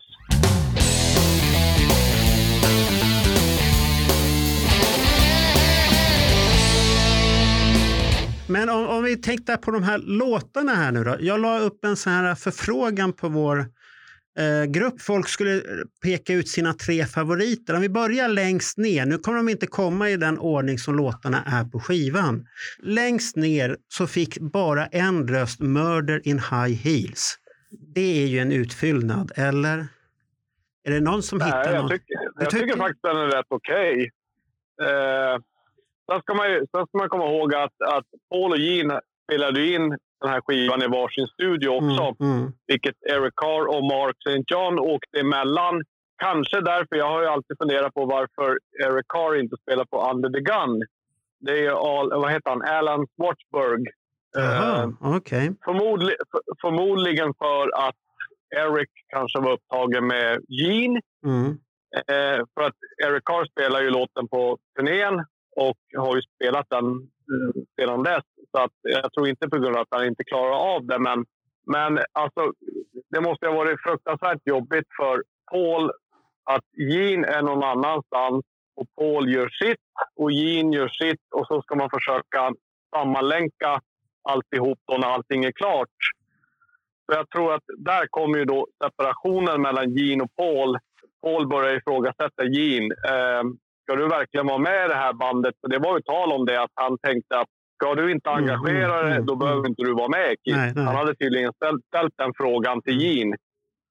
Och Gene hade sagt att ja, absolut vill jag vara med, men jag vill även göra andra saker också. Så att, tillbaka till det som Marco sa, Murder High Heels, som Bruce lägger gitarren på. Är det inga gitarrer utan Mark St. John på den skivan överhuvudtaget? Är det bara Bruce Kulicks gitarr? Eh, enligt utsago så är det Bruce som lägger gitarren på den. Aha. Och ändå reste ja. de dit, eh, men den låten dög han inte till. Okej. Okay. Har, Ja, vad, vad har eh, jo, Magnus för synpunkter på Murder in High Heels? Har han, vad tycker han? Ja. ja. Nej, men man kan ju garva bara över låttiteln här faktiskt. Det är ju lite kul. Men, men det är ju det är en kille som heter Mitch uh, Wiseman som är med och skriver tre låtar på den här skivan. Två är tillsammans med Gene Simmons och en är tillsammans med Paul Stanley. Då. Så frågan är ju om han, Mitch, har skrivit tre låtar till uh, Gene Simmons men att uh, Paul Stanley då har, har tagit sången på, på en av låtarna. Mm, mm. Det kan man ju undra över. Ja. Okay. Eh, låt som kommer näst sist här då, då, då var det Lonely is the Hunter. Det är också en sån här kioskvältare. Nej, Ja, det var det nej. inte. ja. ja, nej. Eh, ja, nej, den får jag väl säga pass på. Den, den, den är pass på. Det är väl inte det bästa Nej. i karriären, men ja, nej, jag säger pass på den. det, det är jag, har, jag har ganska roliga ingångar på den här eh, låten Lonely is the Hunter. Okej. Eh, Den är ju baksidan på uh, Heavens on Fire-singeln. då. Och eh, när jag gick i mellanstadiet så eh, hade våran gamla gympalärare som var i pensionsåldern, han hade ju eh, kommit över den här eh, singeln och köpt den här då, för han ville ha låtar att spela eh, på gymnastiken. Så han körde ju vet du, den här låten och Heavens on Fire eh, så gick gärna, alltså jätteofta. Okej. Så, så att jag har ju hört den i en stor eh, gympahall tillsammans med alla mina klasskamrater och kanske till och med grannklassen. Då, så att, att den har jag hört jättemycket. Och på den första Kiss Cruise så, Jaha. eh, hade spel- ju eh, Nik Niklas eh, Olsson och, och de andra de hade ju hytten bredvid Gene Simmons när han eh, bytte om eh, och skulle sminka sig. Och, det, vi var ju där och hängde då, så vi var ju ett par där som satt och sjöng den här låten allt vad vi kunde när vi visste att Gene Simmons satt bredvid. Då. Så att, eh, den har blivit en liten kultlåt. Eh, Men, men, den, men den idén måste väl Ek, det var väl Ekelöf som kom på den idén? ja, Ja, ja, det var låter som Ekelöf. Ja, Pe- det- Peter, ja precis. Ja, ja, det låter Han- han precis ju- som han. han, eh, ja, ja, han, han, han, det är ju bara han som kan komma på sådana saker. Så att, äh, det var skitkul var det. Ja. Att, eh, men eh, ja, den är lite Okej. märklig låt. eh, Det är den så, lite men, märklig. eh, Men tänk att det var ändå Ja. B-sida på singel. Det är lite... Är det Paul som har jävlats och vi ska visa hur dålig Gene är på att göra låtar? Den ska vara på B-sida. Varför väljer man den? Lonely is the hunter. Så, Ja. kan, så kan det vara att Paul tänkte att ja, ja, men nu sätter vi en riktig rökare här på B-sidan. Ja, det- den, Ja, den, den Ja, kommer... Eller så, var det sk- eller, så- eller så var det skivbolaget. Ja, ja, där ser ja, ja, de kanske Okej. trodde på den här, att det skulle bli precis som Bett, att de skulle börja Ja. spela B-sidan. Ja. Men, eh, Okej. men min gympalärare gjorde det. ja, han föll för den. Ja, Okej. Han föll för den. Ja, det- det är bra. Jag tror att han gillade något Ja. av det. Men ja, Ja. Fast, fast är det inte märkligt det här när man pratar om singelskivor? Eh, man pratar om en framsida och en baksida. Att det är ju så många gånger som istället för att man är smart och sätter två bra låtar på singeln så sätter man en som man känner att ah, men det, här, det här är hitten. Och sen sätter man någonting på baksidan som man tänker, "Mm, ja, den får vara med. Eh, och, det här har jag liksom aldrig förstått, för jag var ändå med på den här tiden då singlarna var det absolut allra, allra viktigaste. Eh, och ett band som Sweet till exempel som inte fick styra över vilka låtar som gavs ut, utan då var det Nicky Chin och Mike Chapman som valde framsidan, men de fick välja vad de ville på baksidan och då skrev de egna, mycket tuffare låtar. Så att en del har ju utnyttjat B-sidorna, men kanske inte Kiss. Nej, inte Kiss. Inte Kiss. Men, men vi har ju då nästa låt då. Get all you can take. Det är ju en riktig rökare. ja, den spelar de ju i Brighton eh, på första konserten Mm. i, eh, på Animalize-turnén. Och det är ju också en av eh, de här låtarna som han, den här Mitch eh, Ja. Wiseman har eh, skrivit. Då. Eh, Han, han var ingen höjd. de Han, tyckte att, tyckte att den var så pass bra då så att den skulle spelas live. Det är ju, men, den, men men den försvann ju rätt så fort sen. ja, Ja, så det, det säger väl allt om låten egentligen. Eller, eller, har, eller har Johan... Jag tycker, jag tycker faktiskt att den lät bra live. Du tyckte det? Eh, Okej. Okay. Kiss, med Kiss har jag alltid haft det problemet att man provar en en gång och sen så, nej, det här, det här var inget bra, då, då lägger vi ner. Utan Okej. låt, låt, låt det utvecklas. Ja, men det, är, det är ju häftigt att på Animal Ice-skivan så finns det nio låtar och sex av dem spelas någon gång under turnén. Och det är ju... Det är, ju, Ja, det är det, är lite otroligt Det är inte- egentligen. Ska vi ta nästa rökare? Och då är det Burn Bitch Burn. Ja! Jaha, nu vart Bernt alldeles till sig här nu. är den bra Bernt? Det, ja, Absolut. eh, jag kan säga så här. Jag har under den här veckan, inför den här inspelningen, lyssnat på eh, hela plattan eh, i det man kallar för högupplöst med bra hörlurar. Och det här är en låt som sitter varenda gång som den kommer. Sen råkar ju hela den här plattan, varenda låt vara full av Eric Cars trummande och på i hörlurar och med de här högupplösta remasterna så är det ett jävla drag på, på de På trummorna. Burn Bitch Burn alltså. Ja, Ja, ja, okej. Ja, ja. Vad tycker pojkarna om den då? Nej, men alltså det, när den kom och eh, verkade här så var väl det den, den bästa Gene Simmons-låten på eh, Animal Life. Det var Mm. väl det som var eh, känslan. Den, den var lite farlig. Jag, jag minns inte om jag fattade vad, vad titeln betydde. Men, så, eh, jag kommer inte ihåg om jag gjorde det. kanske jag gjorde. Men, men eh, den var väl lite, lite farlig. Sådär. Ja. Lite, eh, ja, lite Gene Simmons. Men, men Johan gillar den här i alla fall. Ja, absolut. Ja, det Det är ju en, det är faktiskt en riktig kanonlåt det.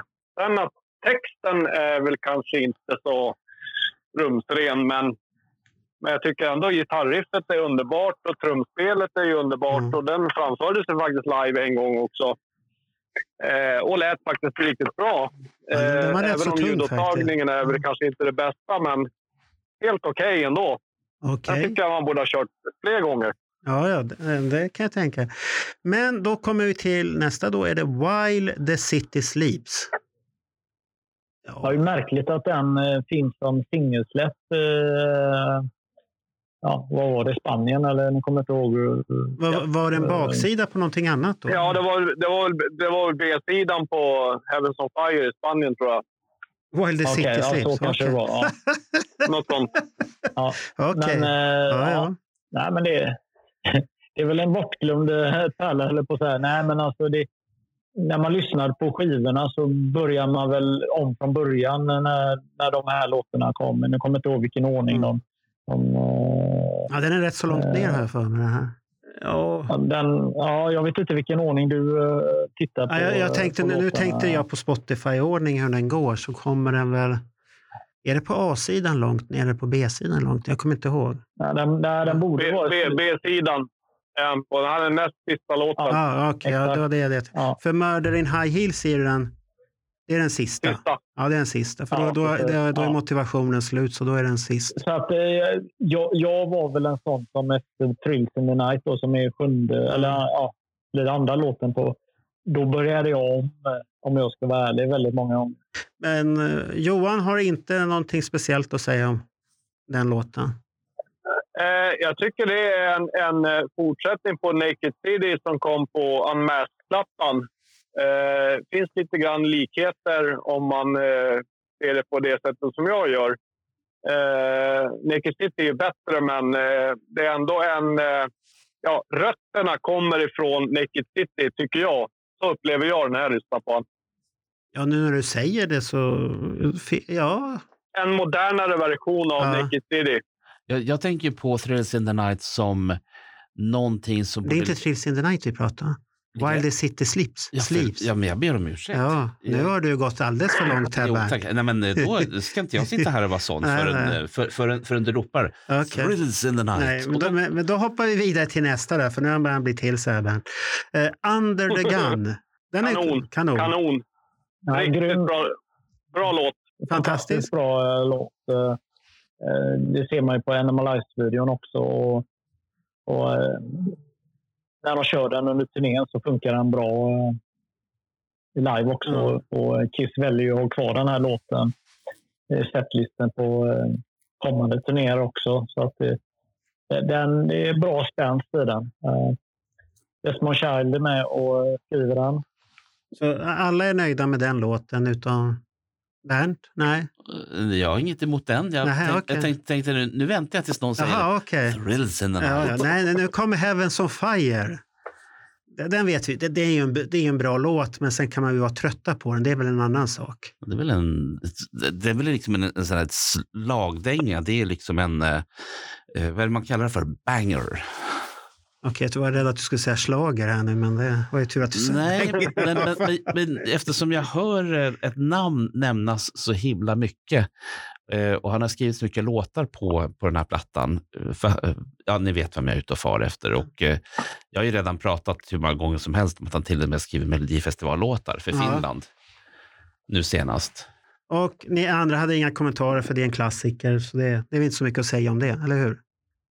Nej, det är en av eh, Kiss största Ja. låtar. Och eh, vad jag ville säga med Desmond Child, det är ju väldigt synd att han inte jobbat ännu mer med Kiss. Mm. Eh, Det hade varit eh, jättekul, eh, tror jag. Och bra för Kiss karriär. Mm. Om, Okej, då, då, hade nu, nu, då, då går vi vidare till den som Bernt väntar på. Då, då. Thrills in the night. Ja, Nu ja tack. Men inte ska jag. öppna Jo. champagnekorken Ja, för fan, då Ja. kör vi. Jo, nej, men jag tycker att den här hör hemma i en, i en Los Angeles-film, en sen kväll och sen så går den här låten under den här kvällen. eh, Vad det nu är som händer. Det kan vara någon som är ute och går eller ett par som är ute och går. Men det, det är kväll och det är Los Angeles och det är Thrills in the night. Så, Okej. Och det betyder att den är bra? det sa jag inte, men ja, det, det Okej. är den ju såklart. Ja, ja.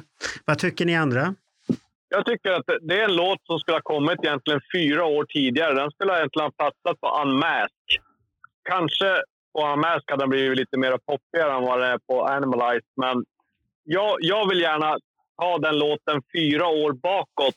Mhm. Eh, Eh, jag vet att det är en av Pauls favoritlåtar och eh, i och med att de, de framförde den live, eh, inte så många gånger just på grund av att den var väldigt svår att spela och även att sjunga.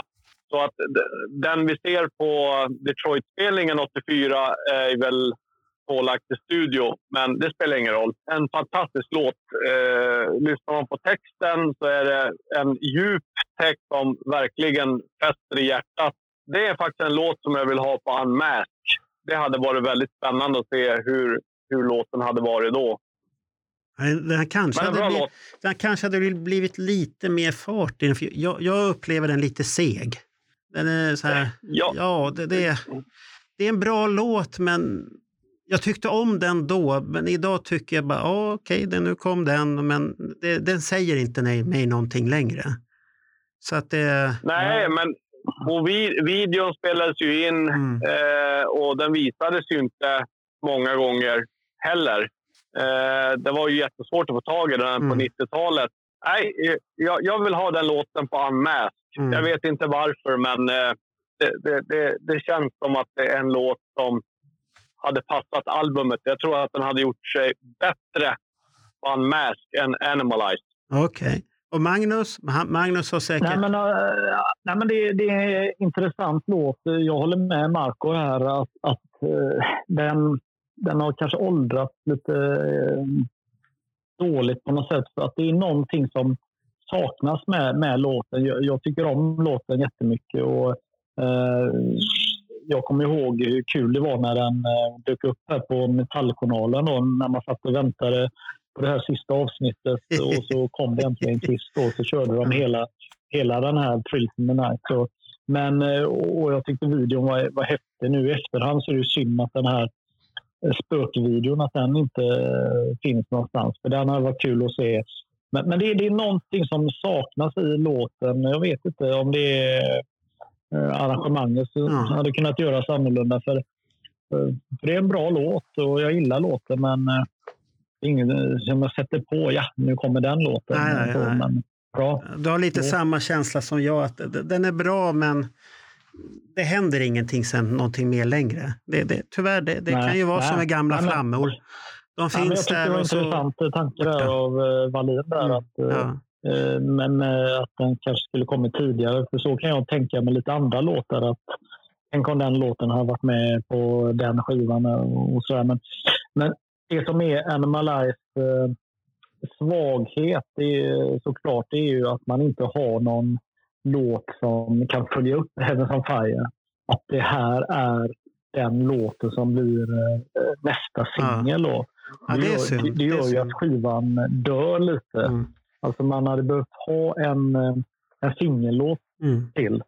Och jag vet inte, eh, det finns ingen annan låt som är i samma tema eller eller nej, radiovänlig eller, eller MTV-vänlig. Det är möjligt att någon av de här låtarna kunde ha blivit någon av de andra. Men, men det är ju Animal Eyes svaghet mm. att man inte har eh, singel nummer två som är given. Okej, okay. den som vann då omröstningen med en röst. Det var ju de, både den här um, Frills in the night och I've had enough into the fire. Den, den vann, men den vann bara med en röst före Frills in the Night och sen är det faktiskt ett jättestort steg till Heavens on Fire och Under the Gun och alla de här. Så att de här två låtarna är de som sticker ut och I've had enough into the fire, det är ju en riktigt bra öppningslåt tycker jag på den skivan, för den skapar ju enorma förväntningar som man det här låter ju riktigt grymt. Oj, vad bra Mark Sontioné och allt det här. Och och, framförallt, jag, ja. och framförallt budskapet är ju att, mm. som Kiss alltid har haft, att tro på dig själv. Ingenting är omöjligt, utan tror du på det så kör. Och det är, det är precis vad det, mm. den låten handlar om. Och den körde man ju även live också ett antal gånger. Tummen upp. Kanon, mm. Kanonlåt. Så som man lyssnar på en LP-skiva, eh, precis som Marco sa, så startar man med den här och då blir ju övergången över till Heavens of Fire blir ju grym. Här. Mm. Den, den slutar ju så tvärt, den har ett jäkla tempo. Så det, det är ett spänstigt Kiss och ett eh, jäkligt bra Kiss här. Den här låten är ju lite bortglömd i, i katalogen eftersom, eftersom det inte har gjorts någon video eller någonting på den. Och, och så här. Och, eh, nu i efterhand så är det synd att det var den här låten de plockade bort eh, till USA-turnén.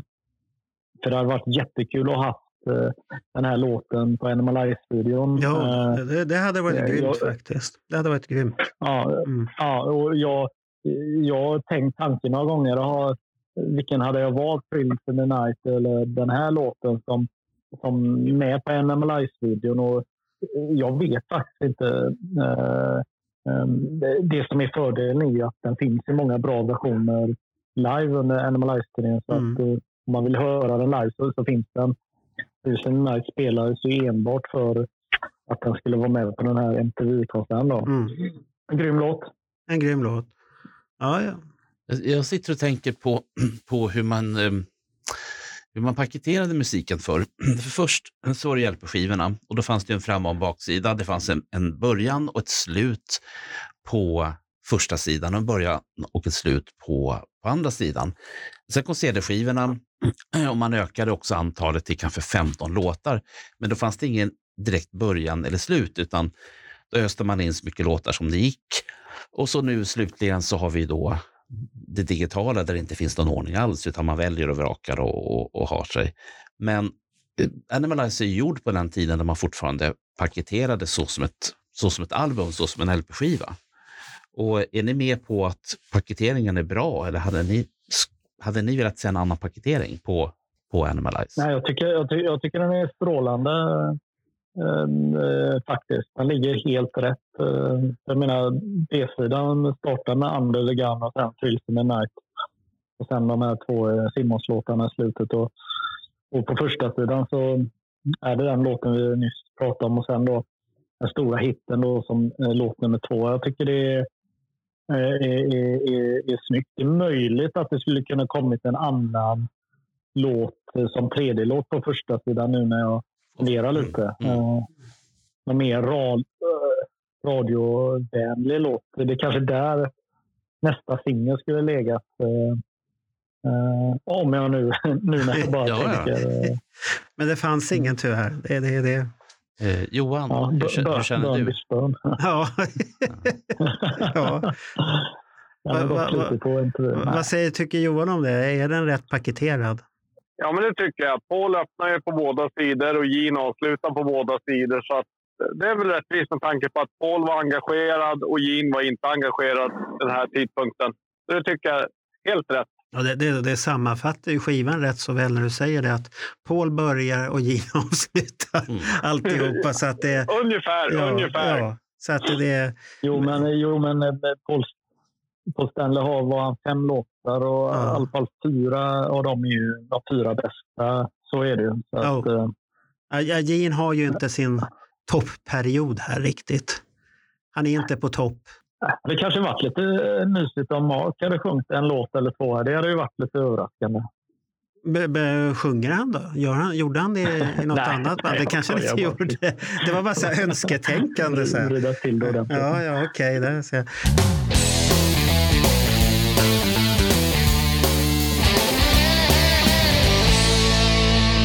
hur, hur tyckte ni att skivan såg ut när den kom? Då? Var, var eh, omslaget och allt det här, var det häftigt? Jag tycker det var magiskt. Alltså jag kommer ihåg, jag köpte den första dagen den kom ut. Och, mm. när man gick på Avenyn med skivan då eh, gick man inte med den i skivfodralet eller i, i, i, påsen utan man gick med den och, att alla skulle se när man gick till bussen att man hade köpt skivan. Yes.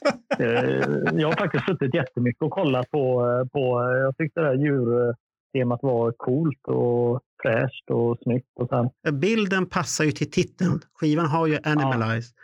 Och det passar ju ja. till det. Så att det... Ja, men det är lite coolt mm. med Z också. Mm. Och, och, och, så här. Och, nej, men sen, sen var ju baksidan var ju fräck med den bilden när de står de fyra nu då som var nya Kiss. Och sen var det ju inne på dralet så var det ju ytterligare nya bilder och ja. sen så var det ju alla låttexter och sånt. Så att paketeringen var ju en av de bästa som jag tycker att eh, Kiss har gjort. Eh, ja, har, har, ni, har ni att, tänkt på att det är lite Manowar-stuk på gubbarna där i innerkonvolutet? Så här bredaxlade. Ja. Gene Simmons, han ser jättestel ut och Mark St. John, man kan tro, och shit vilka stora killar det här är. Så det är värsta puffarna ja, de har. Mark uh, verkar ju ha en ruskiga sådana uh, vaddar. Uh, ja, det, det, de, de är jättestora uh, båda mm. två. Ja, och, och, och, är, sen är lite oklart vems hår Mark har och vems hår Gene Simmons har här. För det är kanske inte deras, eller jag vet nej, inte. Det, men, men Gene ser väldigt någon... konstig ut tycker jag, för han ser väldigt ja, stel ut. Det gick väl någon rykte om att Mark St. John hade Vinnie Vincent-peruken på Licky omslaget Jag vet inte om det... Jaha. Han kanske delade med sig. Han kunde det här med peruker, om man säger så. Ja, nej, men det, exakt. Vad gillade Johan då om omslaget? Då? Det är ju det är väldigt påkostat, men om tittar man på baksidan så börjar man ju fundera. Du kan ju titta på Pauls hand till exempel. Det ser ju väldigt märkligt ut. Marks frisyr, med tanke på vad han hade sen på turnén. Ja. Eh, vad har vi mer? Jean ser också väldigt konstig ut. Han har axelvaddar, Mark St. John, så han ser ut som han har hockeyskydd på sig. Ja, det är lite hockeyfeeling över eh, gubbarna. men jag, jag, vet att baksidan eh, kostade väldigt mycket pengar. Eh, men det ser inte naturtroget ut. Men framsidan jag vet jag att många tycker är jättekonstigt, men jag tycker inte att det är så konstigt. Animalize, eh, som då betyder djurisk. Mm. Eh, det är djurhudar fram. Eh, nu sitter jag för sig med den finska utgåvan där det står på finska känd från tv. Just det, den där ja. Det, det, har jag valt, eh, vilket är en spännande utgåva. Men eh, annars tycker jag inner, Innersliven är väl inget konstigt, men baksidan finns det en hel del att fundera på. Pauls hand ser ju väldigt konstig ut. Eric Carr är väl den som ser mest normal ut. Men jag tror man, man jag tror man hade lagt 40 000 dollar på baksidan Eh, om den var eh, fotad i Long Island eller vad det var så ser det ju märkligt ut att man inte fick bättre bilder än så. För det, det, djuriska, annars... för det roliga är att tittar man på de här bilderna så har de ju det djuriska temat där den enda som har det kvar sen när man kommer till turnén, det är ju Gene Simmons. Paul Stanley ja. har ju gått in i helt en och annan Bruce Kulick hade ju också lite djuriska grejer på sig. Men, ja, men, han, har ju, men han har ju alltid... Fralle var väl det också lite på Europa i alla fall. Ja, men det var ju så här lila... Var det inte lilakt? Eller nej, då hade han ju såna här tights på sig. Det stämmer. Var det tights mm. han hade?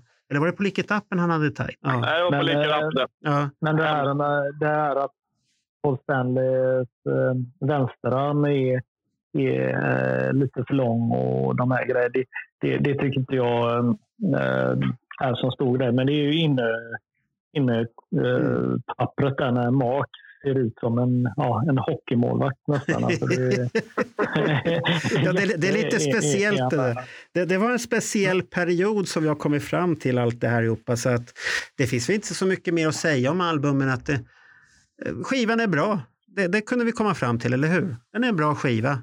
Det är det man ska ha det om man är Kiss-fanatiker, eller hur? Och, och, Exakt. Köp den. Köp den, ja. Ja, och den, och den sålde ju bra i Sverige också. Den sålde ju ja. guld 50 000 exemplar. Så att tydligen så gillade svenskarna skivan. Ja. Jo, men det, det roliga var när, när ni säger att den sålde bra. Min, eh, min före detta fru, hon ägde med Kiss. Det var Heavens on Fire singel. Den hade hon innan hon träffade mig. Då. Hon, hade, hon hade den och sånt här. Så det, var, det var lite lustigt, för den hittade jag hennes skivback jämfört med alla Kikki Danielsson och allt konstigt som fanns där. Men Heavens on Fire-singeln hade hon, så det fanns ju hopp. Att, men, men, men som jag sagt, som, som jag tror att Animalize betyder nog fruktansvärt för Sverige. Att där växte det fram många Kiss-fans. Eh, och det har, jag, det har jag erfarenhet av själv. Mm. Jag har pratat med många och det var där många upptäckte bandet och därmed blev fans.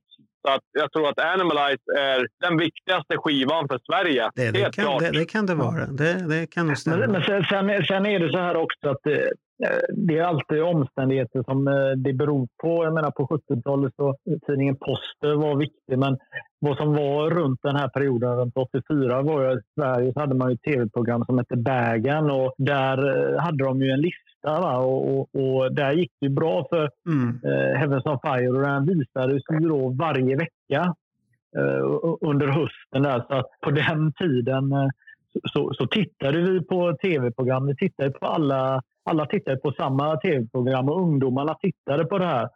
Och sen utöver det så, så när Kiss var i Sverige, det är ju enda gången det har hänt 1984, så fick man ju vara med i ett tv-program och spela Heavens on Fire playback. Mm. Det har ju aldrig hänt innan eller efter det. Heavens on Fire och hela den här biten, den, den, den fick ju en naturlig plats och den gick väl säkert okej okay på trackslist. Så, så nu, när, nu när Kiss kommer så ska vi alla sjunga ordentligt i Heavens on Fire? Eller hur? Absolut. Absolut. I, i, ingen, tveka, ingen tvekan. Alla, ingen ska sitta med armarna i kors och tycka uh, vad tråkigt. Man ska sjunga. Det är sista Nej. gången nu. Eller hur? Kommer Absolut. vi se Absolut. både er på alla spelningarna eller båda spelningarna i Sverige? Eller är det bara en? Hur har ni valt det? Ja, jag, jag tar med mig min fru och min son som får se Kiss första gången okay. Eh, i Stockholm. Tyvärr har jag inte möjlighet att fara till Göteborg, så hade jag gjort det. Nej, men det känns väl som att 1988 var första gången jag såg Kiss på, på Hovet. känns en bra avslutning att säga farväl i Stockholm nu. Mm. Så att, eh, nej, då får jag se dem så är jag nöjd och belåten och det... kommer vara gråtfärdig. Ja, men det låter bra det Johan. Och eh, Magnus? Ja, eh, nu vet ju inte jag riktigt när den här kommer ut då, men eh, man sitter och planerar lite här och får ihop eh, schemat. Men, nej, men det är väl klart att det blir Stockholm, Göteborg och Helsingfors då.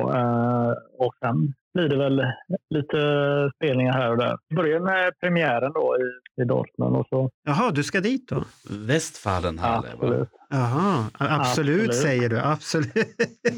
Nej, men det får man inte missa. Turnépremiär, det är ju, nej, det är ju roliga grejer. Men man har varit i Ryssland och sett turnépremiär och man har varit i Tyskland innan och man har varit Ja, Sverige var ju det 2013 var det väl. Kommer du göra några resereportage därifrån nu då? Från dem till Destroy Alive? När du är där på första? Eh, ja, det, det, det, det gör jag nog. Det, ja, men det ska det, göra. Det är alltid så osäkert denna, hur, hur det blir med allt mm. runt omkring och så där, så att man kan väl inte ropa hej förrän man eh, vet att man har möjlighet att göra det man vill göra. Ja. Så kan jag säga. Det låter trevligt. Så då, då kommer vi ju se er någonstans. På någon av spelningarna kommer vi se. Johan Wallin troligtvis i Stockholm på något eller annat sätt. Och Magnus, Absolut. eh, Magnus brukar ju vara svår att missa för han, han brukar dyka upp där han dyker upp alltid. Eller hur? Som gubben i Ja, vi lådan. Ja, så att vi kommer nog synas på någon av spelningarna. Om, om inte annat Mm. så finns ju möjligheten, inte bara för oss utan även för våra lyssnare, att träffa er på sociala medier. Johan Wallin Mm. i sin podd, nej förlåt, eh, Facebook-sida och eh, Magnus på Destroyer Alive på Youtube.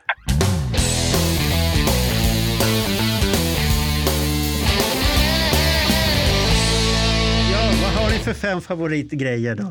eh, turnéboken från Japan 88. Eh, som jag Jaha. fick tag i för några år sedan i jättebra skick. Och man fick även, eh, jag- eller jag fick även en litet häfte som man, gjorde, som man delade ut på varje Japan-konsert 88. Vilka spelningar som ingick i den här turnéboken i mint condition. Sen eftersom jag såg Kiss första gången på Hovet 88 eh, så fick jag tag i turné-t-shirtarna, oanvänt skick, Oj, eh, av en eh, kille i Lid, eh, var han i Linköping eller Lidköping som hade dem att sälja. Som jag är väldigt glad att jag fick köpa. Nummer tre är faktiskt den finska utgåvan av Animalite. jaha, okej. Varför då? där det, där det står på finska på framsidan känd från tv. Som jag tycker är fantastiskt att man valde att göra så. Och den är inte så jättevanlig att hitta heller, men jag fick tag i den för några år sedan. Nummer fyra är den fantastiska bootlegsamlingen som jag har eh, både på DVD och på CD-skivor genom hela bandets karriär. Och det är många hundra Oj. Okej. som är roligt. Och nummer fem är faktiskt inte en sak, utan då har jag gått till mig själv och det är kärleken och känslan till bandet efter 40, över 40 år. Att man fortfarande Mm. brinner och det känns i hjärtat om man hör det på radio eller om det är någon som pratar om Kiss eller man ser någon med en Kiss-t-shirt på sig så känner man den här varma känslan att oj, världens bästa band och jag älskar dem fortfarande.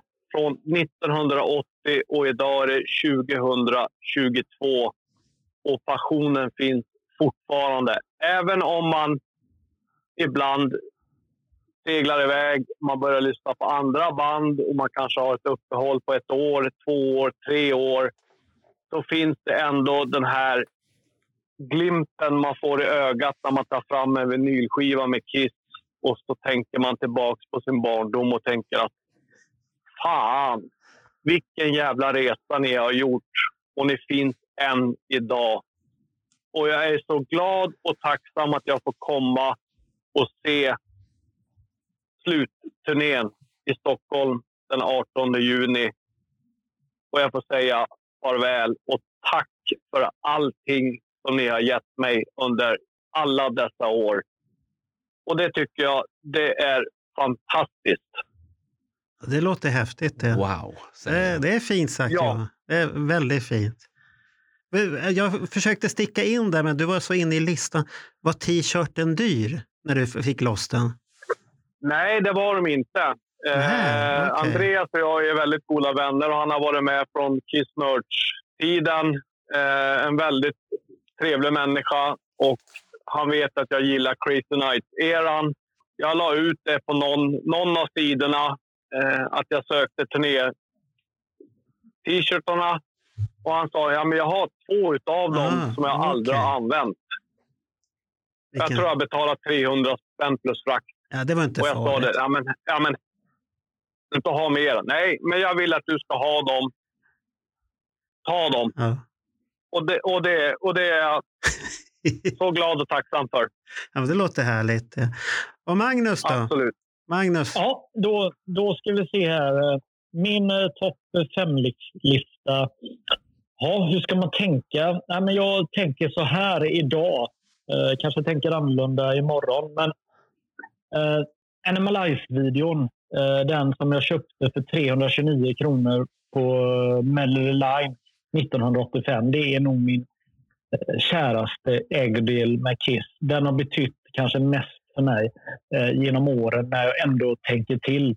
Självklart har alla de här eh, koncernerna som sen dykt upp eh, betytt mycket också. Men Animalize-videon har ju gått dygnet runt i flera år och påverkat min familj, grannar och eh, alla som har kommit till min, vä Aj, aj, min väg.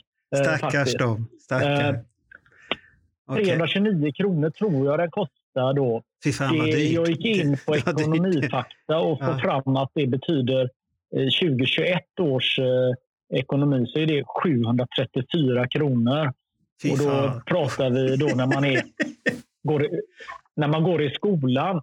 Så det var en ganska stor investering att göra, men den var självklar. Och eh, är det någonting som... Alltså det, de 329 kronorna är bland de bäst investerade pengar jag någonsin har gjort. Jäklar vad man har spelat den Det, det på blir, högsta volym. Man har kört luftgitarr eh, till den eh, så otroligt många gånger, hela koncernen. Alltså, jag vet inte hur många gånger jag, jag har varit eh, typ Paul Stanley i, i den här, på den här koncernen. Eh, när ingen annan har sett. Då. Det har jag inte sagt någon gång innan, men Okej. så är det. Ja, ja. Och när, man har, och när man har fått feeling så har man gått in och varit Gin också. Då. Men Paul var ju mycket roligare och eh, mima till tyckte jag. Det, det blir ju inte många öringar per, per timme det där inte.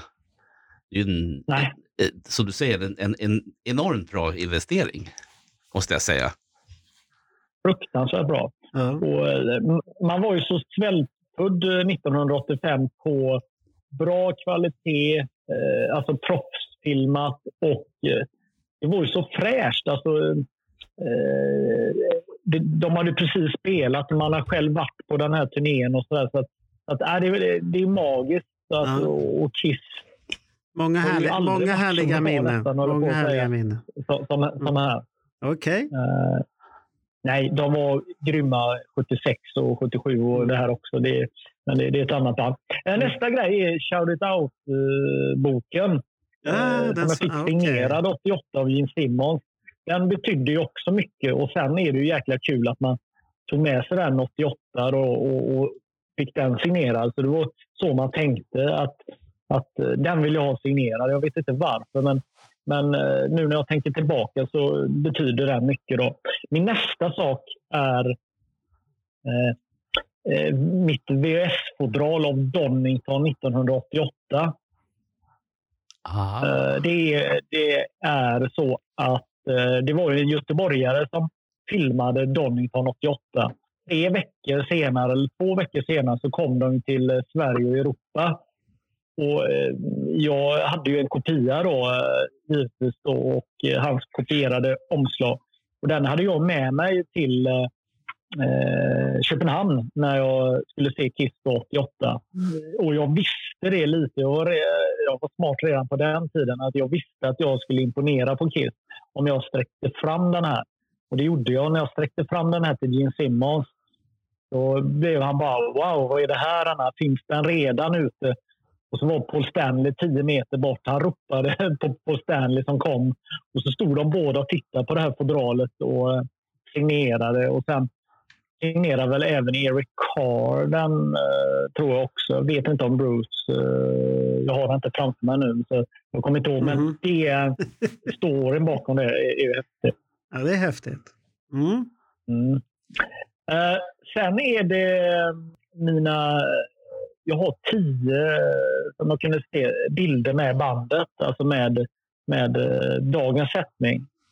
Och fem av dem har jag fullsignerat. Så det är ju en kär eh, ägodel att, att uh, faktiskt ha en bild tillsammans med bandet. Det är ju helt galet. Och vilken pojkdröm det har varit att någon gång ha en bild uh, tillsammans med Kiss. Eller rättare sagt, det har varit helt... Uh, Det var helt o- Det hade man aldrig kunnat tänka sig 80-talet eller 90-talet att Nej, det nej. skulle hända. Då.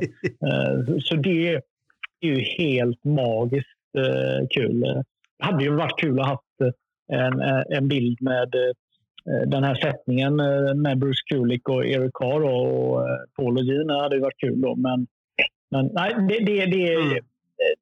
det är min fjärde grej då. Och min femte sak är ju faktiskt mina såna här all access-pass som jag har. Som också betyder jättemycket. Det är inget jag tar för givet och jag är jättelycklig varje gång jag har möjlighet att få en sån. Och försöker vara så ödmjuk och försöka dela med mig så mycket som möjligt av det och filma och ta bilder. För att visa upp. Men det, det är mina fem Mm. Grejer då, som, jag, som jag är stolt och glad över att ha med Kiss. Det var riktigt roligt att höra. Det var en salig blandning från er båda tycker jag. Så Jag, är, jag kan inte vara något annat än att vara avundsjuk och imponerad. Men fram, framförallt så är jag imponerad för att dels så tar det ju tid att fundera på utifrån allting som finns i en samlingar och lådor. Vilka betyder mest och bäst? Det är inte jätterätt kan jag tänka mig att, att plocka fram.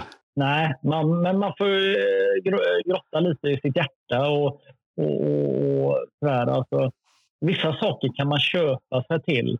Men sen andra saker är ju upplevelser också och känsla. Mm. Som, jag är helt övertygad om att när jag väljer den här Shout It Out-boken som kom på 80-talet. Det är jättemånga av de som lyssnar på det här som, som säkert delar den eh, upplevelsen att man satt på de här Ja. ja. bootlegsvinylerna och tittade på och läste om historien och sådär. Mm, Ja, så att... eh, Mm. ja, den var ju att, viktig. eh, Den var väldigt viktig på den tidpunkten då. Mycket Ja, men viktig. den var ju det. Mm. Exakt. Så Ä- att, Äger ni eh, för, har, ni, nu, nu vet jag att Johan Wallin, han hade ju bootleg, han samlade på bootlegs. Har ni den här klassiska bootleggen från Stockholm 84? Dubbelskivan? Självklart, självklart. Ja, The ja, only come night at... ja. Vad, vad heter den? At night? Ja, Ja. givetvis. Ja. givetvis. ja. Den var Ja, väldigt, den var väldigt, snyggt paket, ja, den var väldigt snyggt paketerad kommer jag. Jag råkade ju sälja den när jag sålde min skivsamling. Så jag har skaffat tillbaks Ja, jag- den igen. Ja, faktiskt. Ja, jag såg det. Ja, så att eh, den är Ja, tillbaka. ja, men den, den köpte jag ju så fort den kom. Ja. 85 tror jag den kom. Ja. Så då, då, då köpte jag den eh, Stockholm och så kom det en eh, kortare version på Göteborgsspelning. Mm. Och sen något år senare så kom ju eh, fullängdaren på, Ja. eh, på vet du, Göteborgskonserten. Men den kom ju några eh, år senare och den har jag faktiskt också signerad Mm. av Jim Simmons. Jag eh, hade faktiskt möjligheten att få en, eh, låna kassettband med Göteborgskonserten, hela inspelningen, ganska snabbt efter Mhm. den här konserten 84. Men på den tiden så, eh, så var det kanske ett år ifrån eller ett halvår ifrån att de här dubbeldäckarna kom. Så att jag minns att eh, vi kopplade ihop två eh, radioapparater, eller ja, heter det väl, och lyckades kopiera över. Men jag tror min kopia blev väldigt mycket försämrad, för de blev ju lite sämre varje Mm. Eh, framförallt gäller det på videokopiering sen. Men, men, men det var också där eh, helt plötsligt något år senare, om det var 85 eller 86, då kunde man ju köpa Mm. de här dubbeldäckarna var som helst. Och det Ja, var ju ja. busenkelt att kopiera kassettband. Men eh, Ja, ja. Nu, nu ska vi börja tacka av er egentligen, för nu, nu är det dags för det. Nu har vi babblat väldigt, väldigt länge. Och eh, vi vill verkligen, det här med att göra ett avsnitt om en podd om videon där, det verkar ni båda två gå igång på väldigt bra. Det får, Absolut. Det får, väl bli, det får, bli, sin, det får väl bli sin tid för, Ja. för den. För att Sen- om, om vi kan prata om nio låtar i närmare två timmar, ja, det är ju fler låtar på videon. Ja, det är det. det är det. Så vi får tacka er hjärtligt för att ni ställde upp i det här. Tack, själv. Tack själva och att jag fick berätta min historia. Ja, vad, jag skulle få 5 000 för det här. Vad, swishar ni mig nu efteråt? Eller, nej, vi, vi, vi, vara kör, vi, vi, kör bara, nu, eller? vi kör bara kontanter. Jaha. Så, så att eh, här i, här, i, här i studion här i studion så finns pengarna. Så det, det är bara att komma och hämta dem.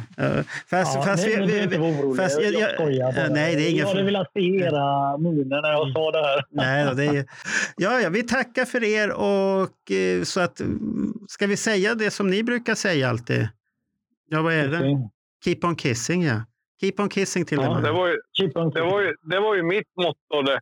Var det ditt motto från början? Hade du, claim, hade du claimat det och så har Magnus tagit det? Fan. Ja, då, Det, det, har jag till, det har jag till och med signerat i Carl Linnaeus bok. Eh, den han gjorde 2013. Han, skrev aj, det. aj. I aj, boken. aj, aj, aj, aj. Det Då, då, då, får vi hitta, då får vi hitta ett annat mått.